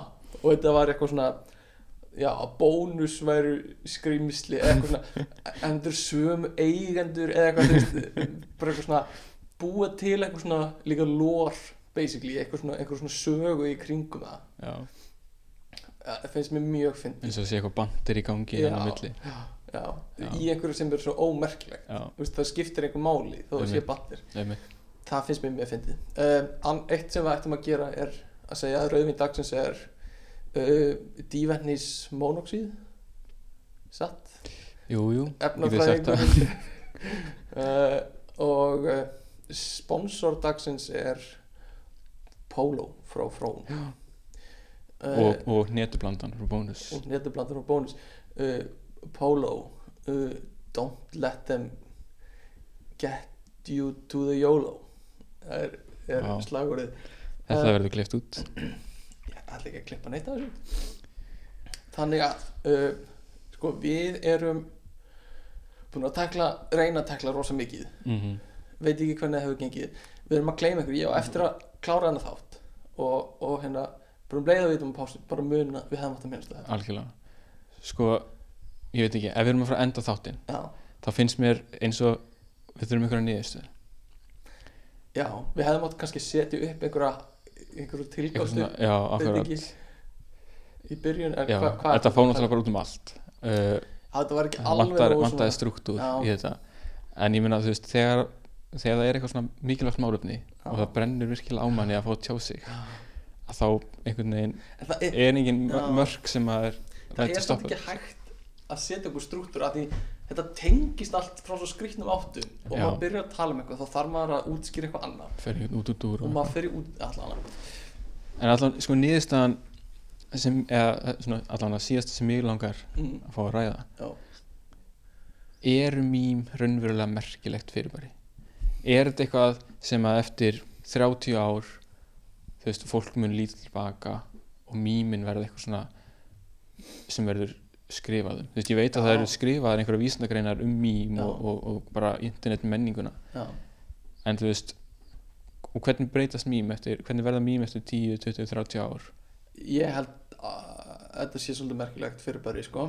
um, maður getur skoðað á svona mím dagatöl svona mím kalenders það sem er búið að taka fyrir þú veist, setja vinsalasta mím hvers mánadar myndaði eða eitthvað svona. Mm og maður getur séð bara svona þróunina sem er í gangi í samfélaginu oft. Þú veist eh, það er kannski mím sem fjalla um þú veist, veiruna núna eða eitthvað svona mm. grímur, grímumím. Mm. uh, fyrir einhverjum árum var kannski eitthvað tengt iPhone-um og eitthvað svona veist, hvað, Steve Jobs þegar hann dó eitthvað svona, þetta er ákveðin svona speill inn í það sem er í gangi. Algjörlega.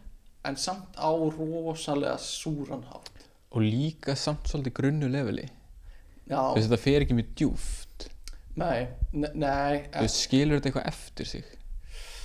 Mm, sko þetta er alveg þetta er alveg einhvern nátt mikilvægt sem svona svona ádela á eins og þú veist pólitíkus ja? og bara svona það sem er í gangi í samfélaginu. Svolítið svona eins og spöggstofan. Já. eitthvað bátt, þú veist, að tekur tækla sem var þú veist, er í gangi og reynir svona grei, þetta er ákveðin svona greining á því sem er í gangi. Já, þú veist, að þú getur gert búið til einhver brandara úr því að Joe Biden hefði sagt Trump að halda kjafti mm.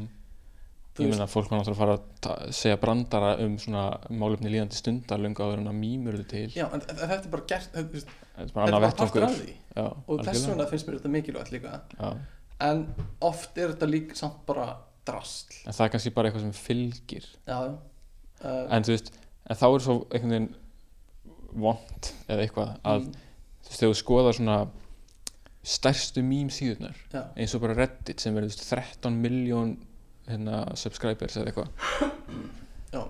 Að þau séu, þú veist, þar þú veist, það er ekkert sem ristir djúft þar. Eiginlega ekki, þú veist, það voða lítil einhvers konar, einhvers konar ádela eða, á Reddit eða finnst mér, þú veist, allan að ok, ég er náttúrulega ekki búin að vera þarna lengi þú veist, jú á Reddit en ekki Já. á Reddit þú veist, Erslas Memes já. sem er stærsta örgla mím síðan já, já, sennilega sko en það er kannski bara fylgir, þú veist, ef þú ætlar að vera með eitthvað einhver Já. ádelu eða þú veist, ef þú ætlar að leyfa þetta format eða hafa þetta 99% er ekki er, er skiptir engum máli kannski Já. eða eitthvað, ég veit það ekki uh, þú veist þú er kannski að pæla líka hvað veist, hvernig er þetta að fara að þróast? Hvað er að fara að gera? Þú veist, eru þú veist, verður þetta einhvern tímann úrælt hættu við að deila einhverju svona grína á netinu? Örgla ekki, sko. Sennilega ekki. Uh, kannski ég hef svolítið áhuga að ég vita hvort að við förum kannski að nota þú veist, gerfugrein til að framleiða mím. Já, þú veist og fáum þá kannski út einhverja nýja típu af mýmum einhver svona, svona machine learning mím sem að manneskjum hefði aldrei dótt í hug. Já, sem Mm. gæti verið áhugavert eftir 20-30 ár. Þú veist, ef við náum að dæla inn í einhverja, einhverja tölvu þú veist fullt af upplýsingum um það sem er í gangi í samfélaginu. Mm. bara allum hérna pop culture og öllu öllum fréttum sem Mm. eru postaðar og sjá bara hvort það kom eitthvað út. Já. Hvenær heldur að þetta gæti orðið möguleiki þannig að koma eitthvað að viti út úr þessu uh, ekkert langt í það sko.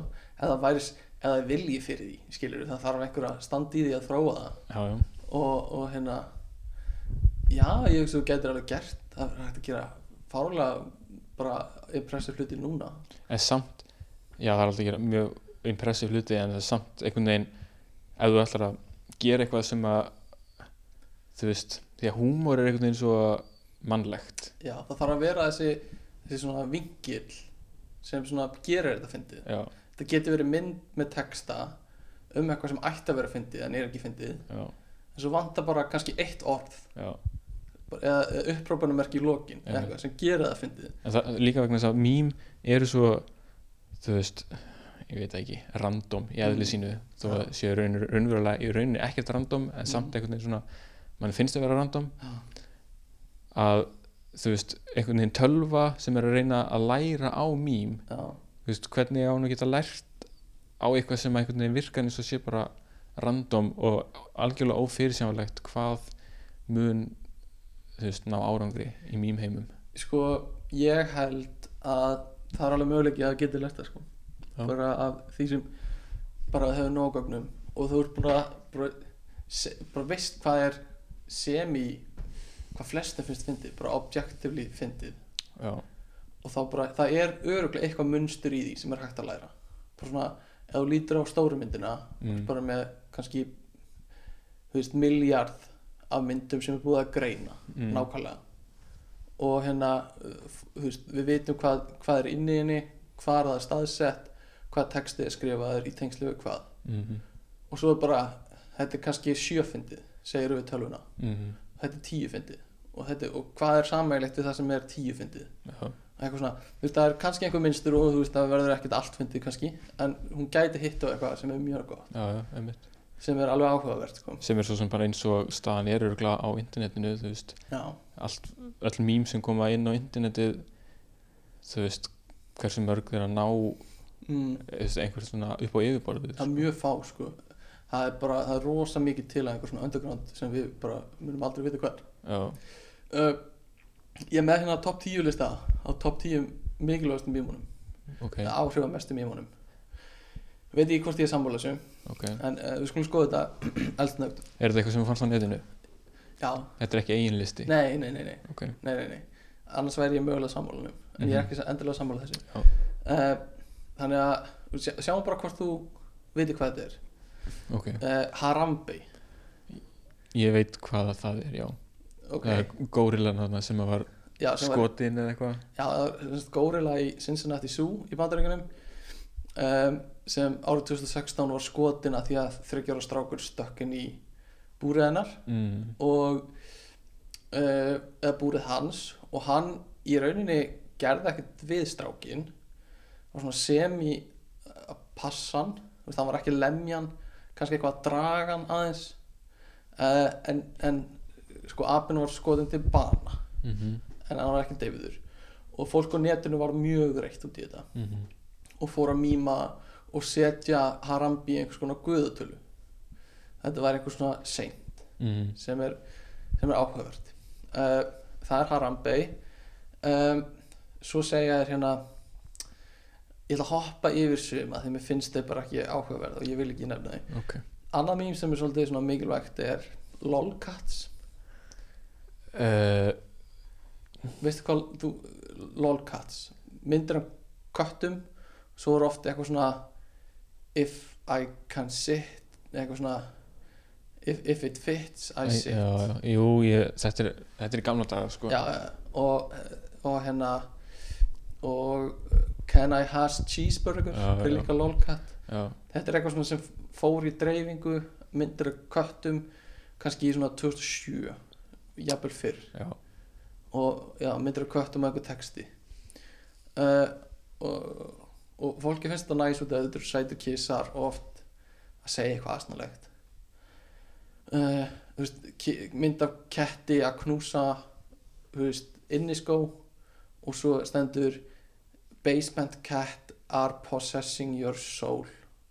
Og því að hann heldur út um Ah. sólan á skónum frábært. Um, svo er eitthvað svona uh, eitthvað svona template, svona myndatemplate uh, Squinting Fry mynd af Philip J. Fry úr Futurama mm. og hann er svona, hann er svona með hálflóku pýrðu augun og er ekki viss um eitthvað og segir eitthvað svona not sure if everyone is too happy or I am in a bad mood það er svona þetta er vist eitthvað mikilvægt template mm. uh, svo er hann að Success Kid. Það er alveg dæmi gert fyrir svona 2012 mím 2011 mím já, búið að taka út mynd af einhverjum kroppa út mynd af einhverju og setja á einhvern svona bakgrunn sem er í skærum litum. Mm. og svo á þessi mynd sem var kroppuð út að lýsa einhverju tilfinningu eða einhverju svona state of mind. Einhver svona típu. Eða einhver típu svoleiðis, já. já. og þetta er lítill krakki sem kreftan hnefan og er svona þú veist, fuck yeah eitthvað svona, ég er maðurinn. Mm. og svo er einhver texti á því. Um, uh, svo er, ein- já, það er einhver sem segir ate spaghetti while wearing a white t-shirt. Didn't get any sauce on it. Já, þetta er, þetta er svona dæmigert svona. Uh, annað svona svipa template er most interesting man sem er svona gamalt kall með skegg sem situr á bar og, og hérna er með bjór og þetta er svona, þetta er svona silfurrefur mjög akkurat. Og hann er svona ánægð með sig eða svona örugur með sig. Og þetta er svona I don't always do this but when I do this happens eitthvað svona, Mm. það er templateið. Mm svona ég ger þetta ekki alltaf en þegar ég gera það þá er ég maðurinn eitthvað. Uh, svo þetta er mjög lélugur ég veit ekki alveg með hennar lista sem ég er að lista. Allan að Trump signs an executive order er líka já, það mím á Trump að skrifa undir eitthvað mm og svo snýra hann blaðinu sem hann var að skrifa undir og þá er búið að photoshop eitthvað annað á það. Mm þessu. Eins og hann búinn að teikna þú veist, mjög barnalega mynd af kísu mm og þú veist, hann, hann þá er hann ekki undir eitthvað heldur hann er bara að teikna. Eða hann sýnir uh, blaðið og þá er þetta Pokémon spil hans eða eitthvað svona. Mm um, svo er Scumbag Steve á þessum lista. Ok. Það er svona frækt mím en er það ekki, það er líka bara svona template þar sem þú bara, bara mynda gæjanum og einhver texti. Já, þá er hann ekki, þá er ekki búið að eiga neitt við myndina bein. Nei, nei. er bara, það er bara hann með einhver derhúi aftur og bak og það lítur út eins og hann sé kannski, já, bara fá, fáti scumbag mm. og svo er eitthvað svona everyone chooses a pizza topping picks pineapple og svona um, svo er hérna Evil Kermit þá er mynd af Kermit the Frog að tala við sjálfan sig nema sá sem hann er að tala við er í svona svörtum kubl sem Mm. með hulið andlit mm. Og þá er svona þú að eiga við þinn innri mann. Einmitt. Eitthvað svona ég I should go to bed gotta be up early.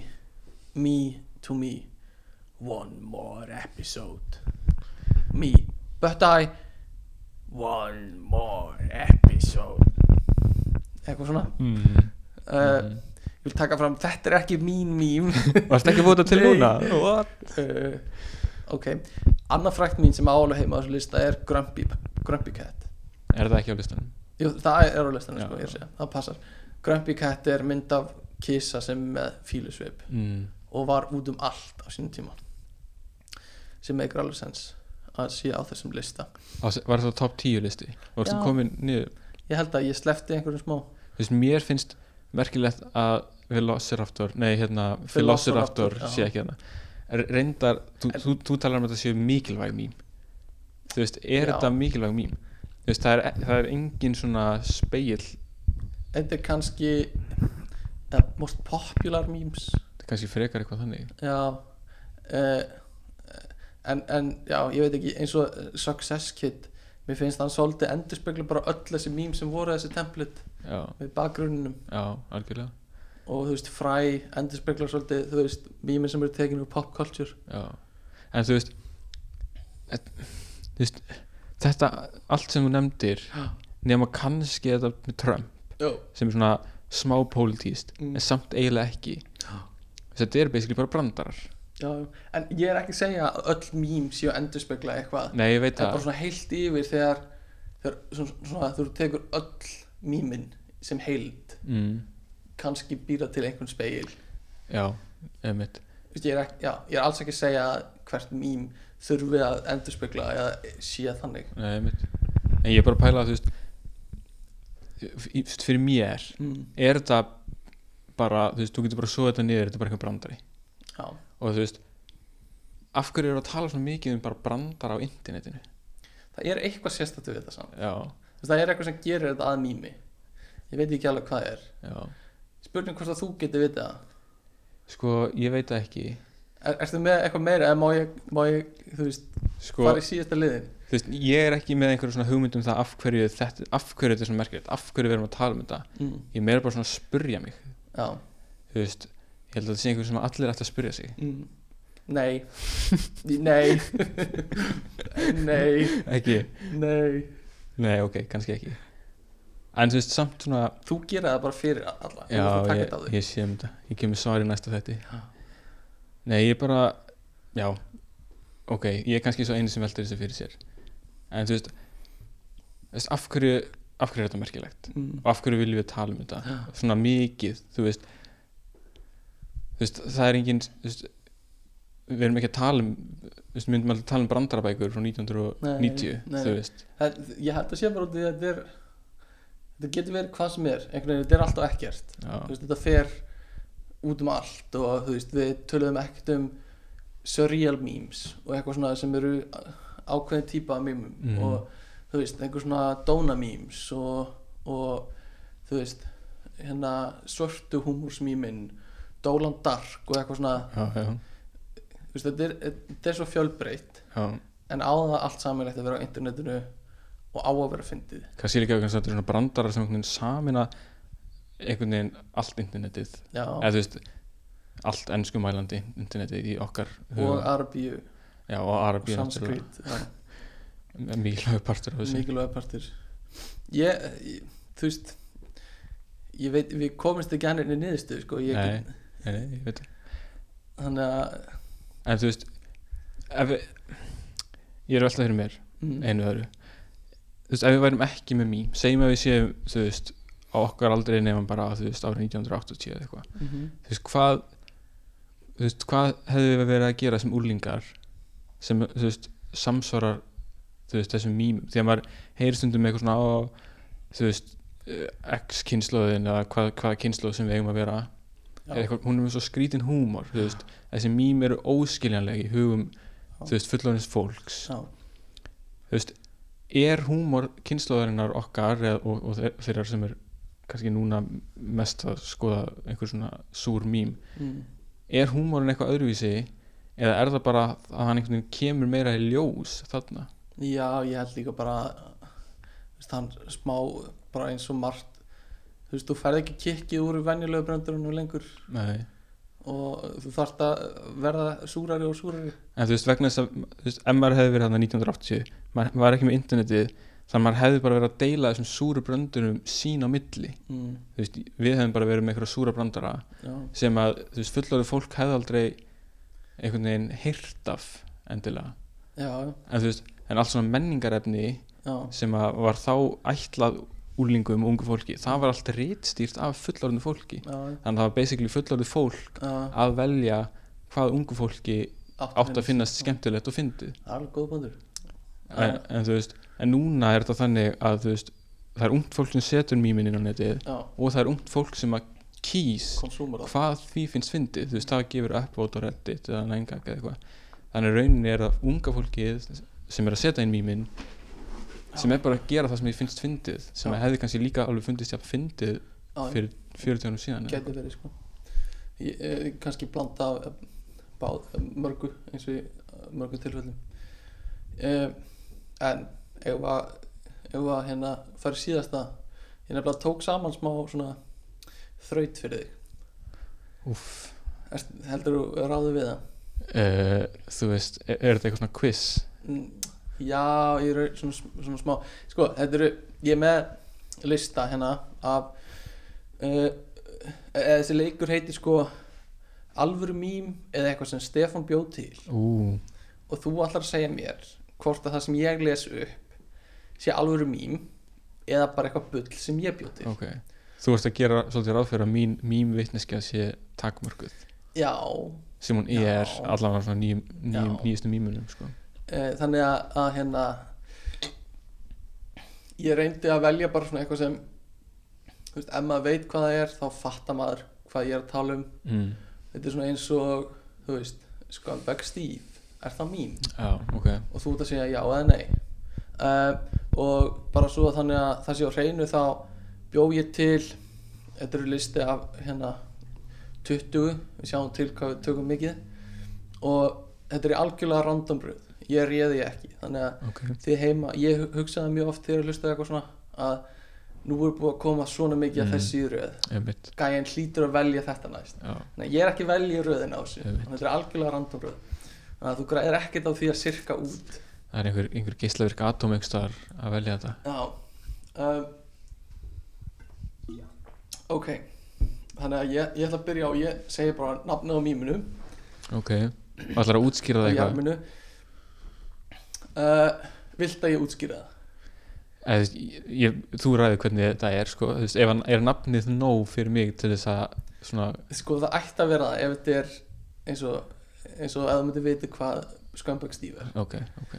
Uh, Ef þú þarft meiri útskýringu þá máttu byggja mig um það. Mm, En ef það er bara já, ég er eiginlega alveg viss um þetta sé mým ok, en ég er ekki að, þú veist, ég, þú voru að líka taka, ég veit ekki, ég get ekki útskýrt allt þó að ég hafi búið það til. Já, já, ok, ég veist, ég get bullað í því en ég get ekki endilega útskýrt eitthvað sem ég bjó ekki til af því ég þekki endilega mýmið.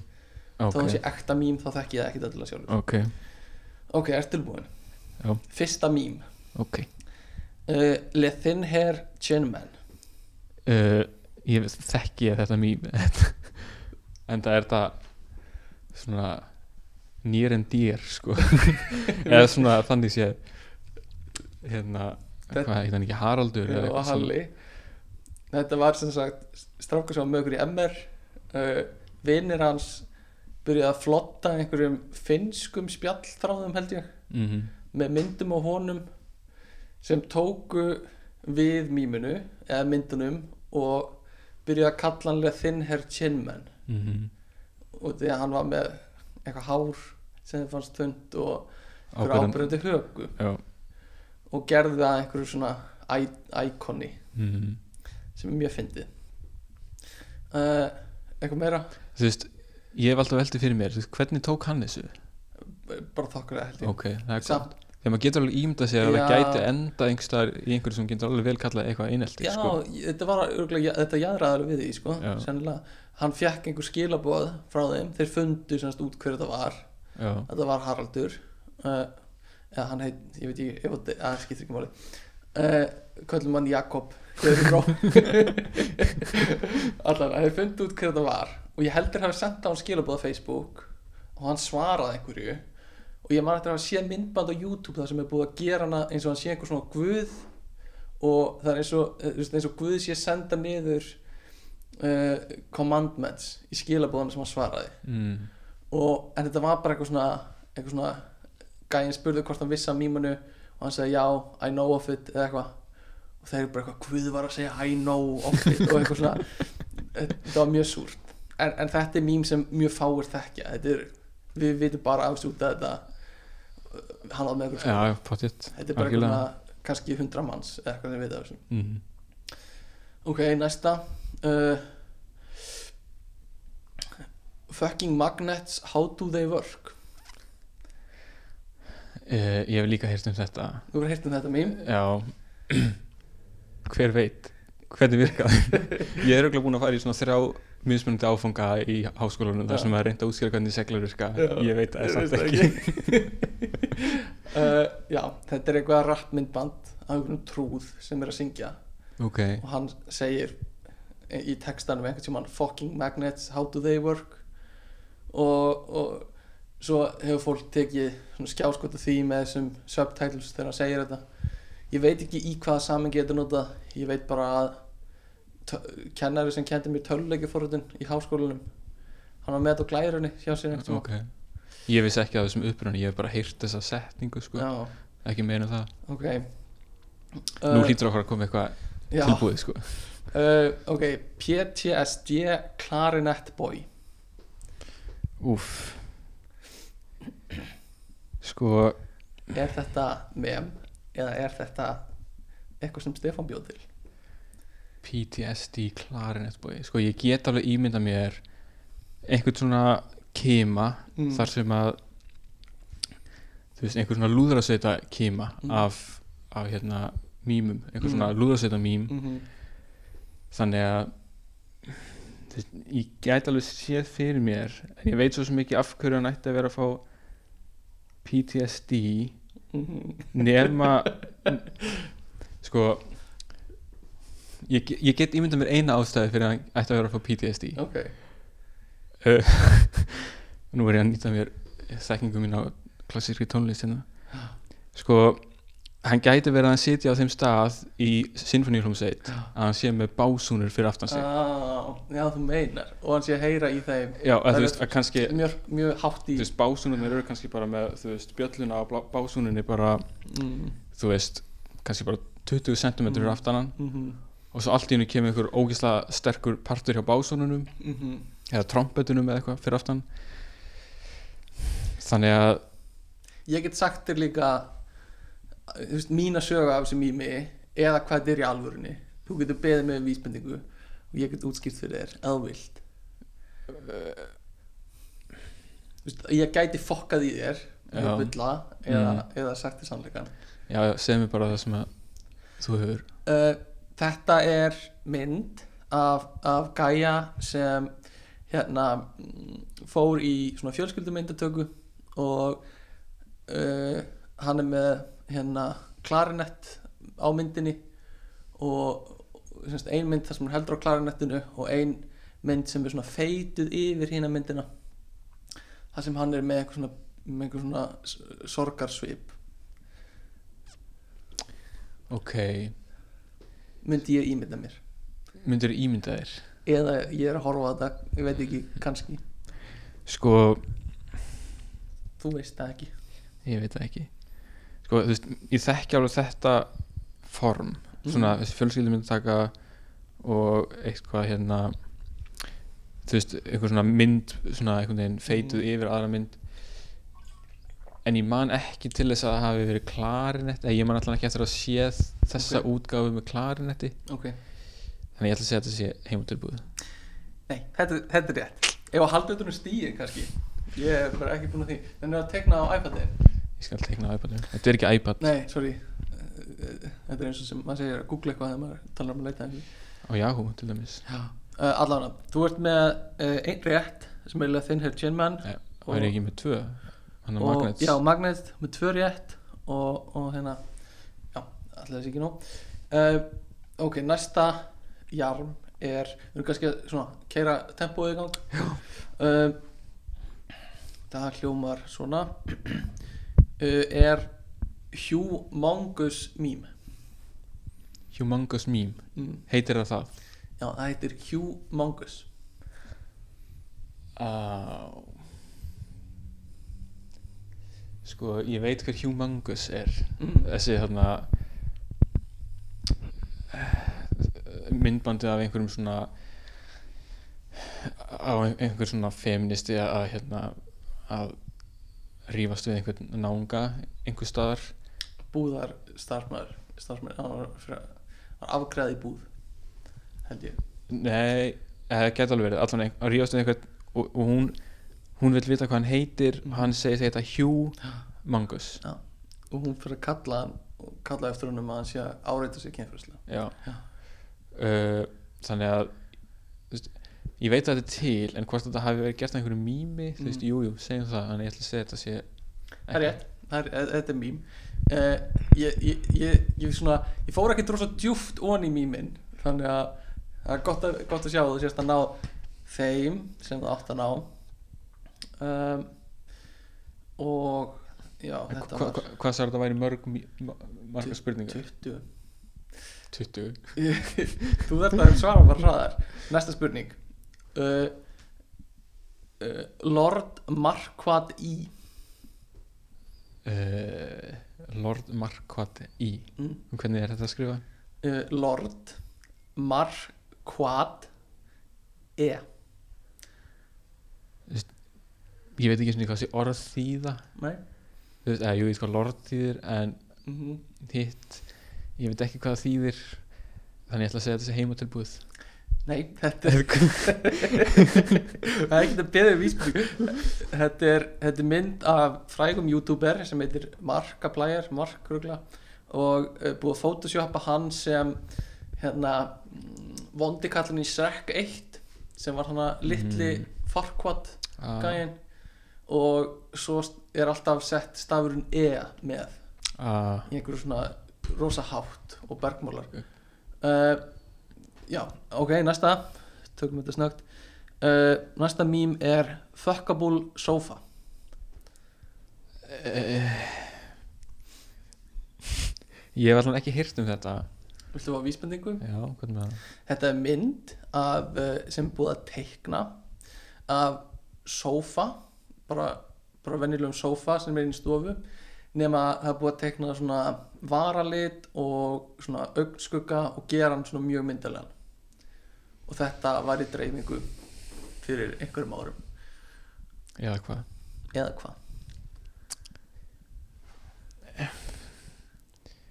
Æ, ég veit það ekki. Þú veist, nú, nú er ég farin að hugsa. Nú er komin hérna fimm í röð. Já. Þú veist, hver er líkunar á því? Mm. þú veist, það er tveir í fymta eða eitthvað. Mm. um, þú veist, ég verð bara einhvern veginn að án þess að spila með tölfræðina já, einmitt að þú veist nei, ég held að það sé heima tilbúið en ég, e eitthvað meira? Eh, þú veist, ég þetta virkar einhvern veginn svona of basic ok en samt, þú veist internetið er Mhm. ófyrirsjónlegt Já. þú veist, gæti verið -hmm. either way uh, þetta er heima tilbúið ég bjóð þetta til. Uh, ok, næsta. Uh, næsta heitir ASDF Alpaca ég held ég að við hýrt um þetta.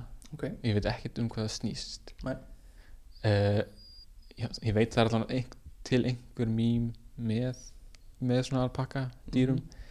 þannig ég ætla að segja að þetta sé raunverulegt. Nei, ég bjóð þetta til en þú ert samt að byggja á einhverju Ég, sem er já, ég veit ekki, kannski ómeðvita en ég blandaði bara saman einhverjum dýri og einhverju svona net stöðun uh, ég Þetta er- þetta til. Þetta er 50-50, ég er með 50% rétt eins og er. Ok. Þetta var, hérna, ok, næsta. Uh, næsta mím heitir tongue massage. Myndi vera kannski þýtt sem tungunum kannski bara. Ertu með einhverja eh, lýsingu á þessu? Já, ég get gefið vísmyndingu Þetta var mím sem uh, gekk eins og ákveðið challenge um að fá fólk til að nutta á sér tunguna og segjast vera með stífa tungu og, og taka upp þegar þú byður einhvern um að nutta á þér tunguna Bara random fólk af hand og uh, Oft, ég man eftir að uh, oft, man ekki kannski.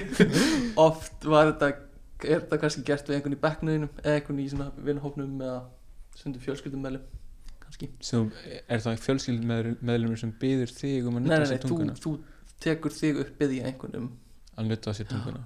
Já.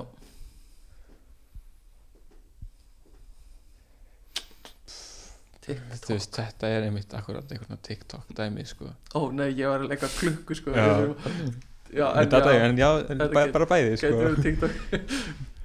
Ég ætla að segja að þetta sé heimatilbúð Þetta er heimatilbúið, ég, ég bjóði þetta til líka. Ú, dodged a bullet. Ok, uh, næsta. Uh, uh, Næsta heitir That really rustles my jimmies. Uh, Þetta er mím, mm, þetta er mím. Mm. uh, En þú veist, ég náði því aldrei. Ég, ég held að þetta hafi verið svona á þeim tíma sem ég var að hætta. Ok, ég nefnilega veit ekkert hvað þetta er. Þú veist, ég man eftir þessu. Ég gæti ekki útskipt fyrir hvað þetta er af Því ég veit ekkert hvað þetta Þú veist, Ég held að þetta innihaldi einhverja górilu eða eitthvað. Er Ok, já þetta gerir það að það mynd og góruli En ég tók þetta bara því að með það hljóma fyndið. Já, Herðu, þú veist, gert. ef ég hefði ekki vitað þessu þá hefði ég potið sagt heimatilbúð Já, mér fannst þetta hljóma þannig. Ok Ennþá meiri hrað, við erum ekki ógislega hrað Ok, Hraðspurningar næsta mím.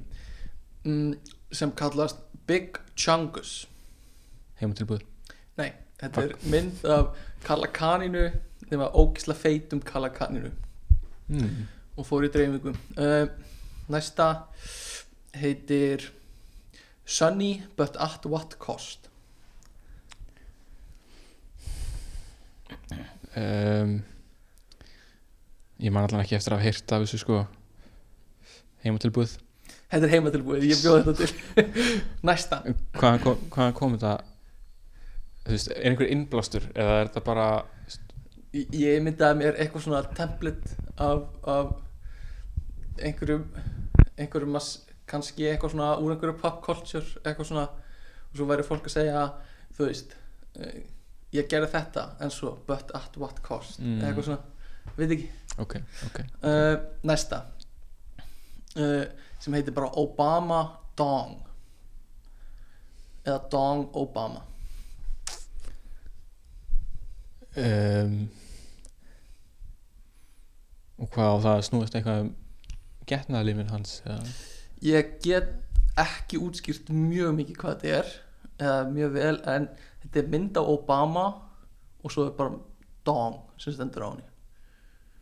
Og svo er, þú veist, búið að Þetta er raunverulegt nei, ég bjóð þetta til. Já, já uh, næsta. Við erum á uh, mjög lélegu tempói. Uh, Kiss your dad on the lips challenge. Þetta er eitthvað TikTok dæmi sko. Þetta er raunverulegt. Nei, ég bjóð þetta til líka. Uh, Þetta segir bara hvað þessi challenge er bara kjarta uh, ok, Burger King food letters. Þetta er mím já, þetta Já. er mím Þetta er mím Uh, þetta er úr uh, YouTube myndbandi sem einhver svona top 10 listi.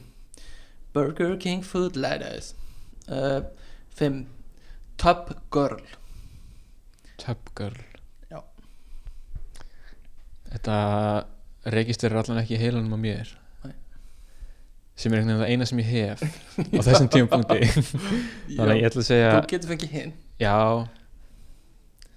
Hvað er með hinn? Þetta er myndband af stelpu uh, eða konu í baði og uh, á einhverjum tímapunkti hún er með fætur fyrir aftan haus og er held ég allsber og á einhverjum tímapunkti skýtur hún appelsinu safa út um rassin og leggöngin á sér. Veit ekki af hverju þetta er mím. Þetta er bara hana. Kannski vegna að þetta er ekki mím. Nei þetta er Fuck. þetta var á ég var að skoða síðu bara og þar Einhverja- fann ég þetta. einhver ákveðna síðu. Já, einhver óveiðigandi síðu. Hver ákveðna síðu. Herðu, uh, þurfum að keira þetta í gang. Momo Challenge. Momo. Já, þetta er mím. Þetta er mím. Uh, mjög nýlitt með þess Nú. að uh, einhverju stelpu sem átt að á Instagram var að senda á krakka að drepa fólkdur sína smá creepy. Um, ok, uh, næst Spongebob farting in an airhorn þetta er mím. Nei, ég bjóð þetta til. En það er til eitthvað svipað. Já, það er til að þúsund Spongebob memes en það er, samt, er ekki til eitthvað mím á honum með eitthvað svona eitthvað lúður? Já, gæti verið, hann er allan ekki prumpi á hann. Næja, uh, næsta uh, Jí, þetta er mím. Þetta er mím. Þetta er myndband af risaðilu segja Jí, Jí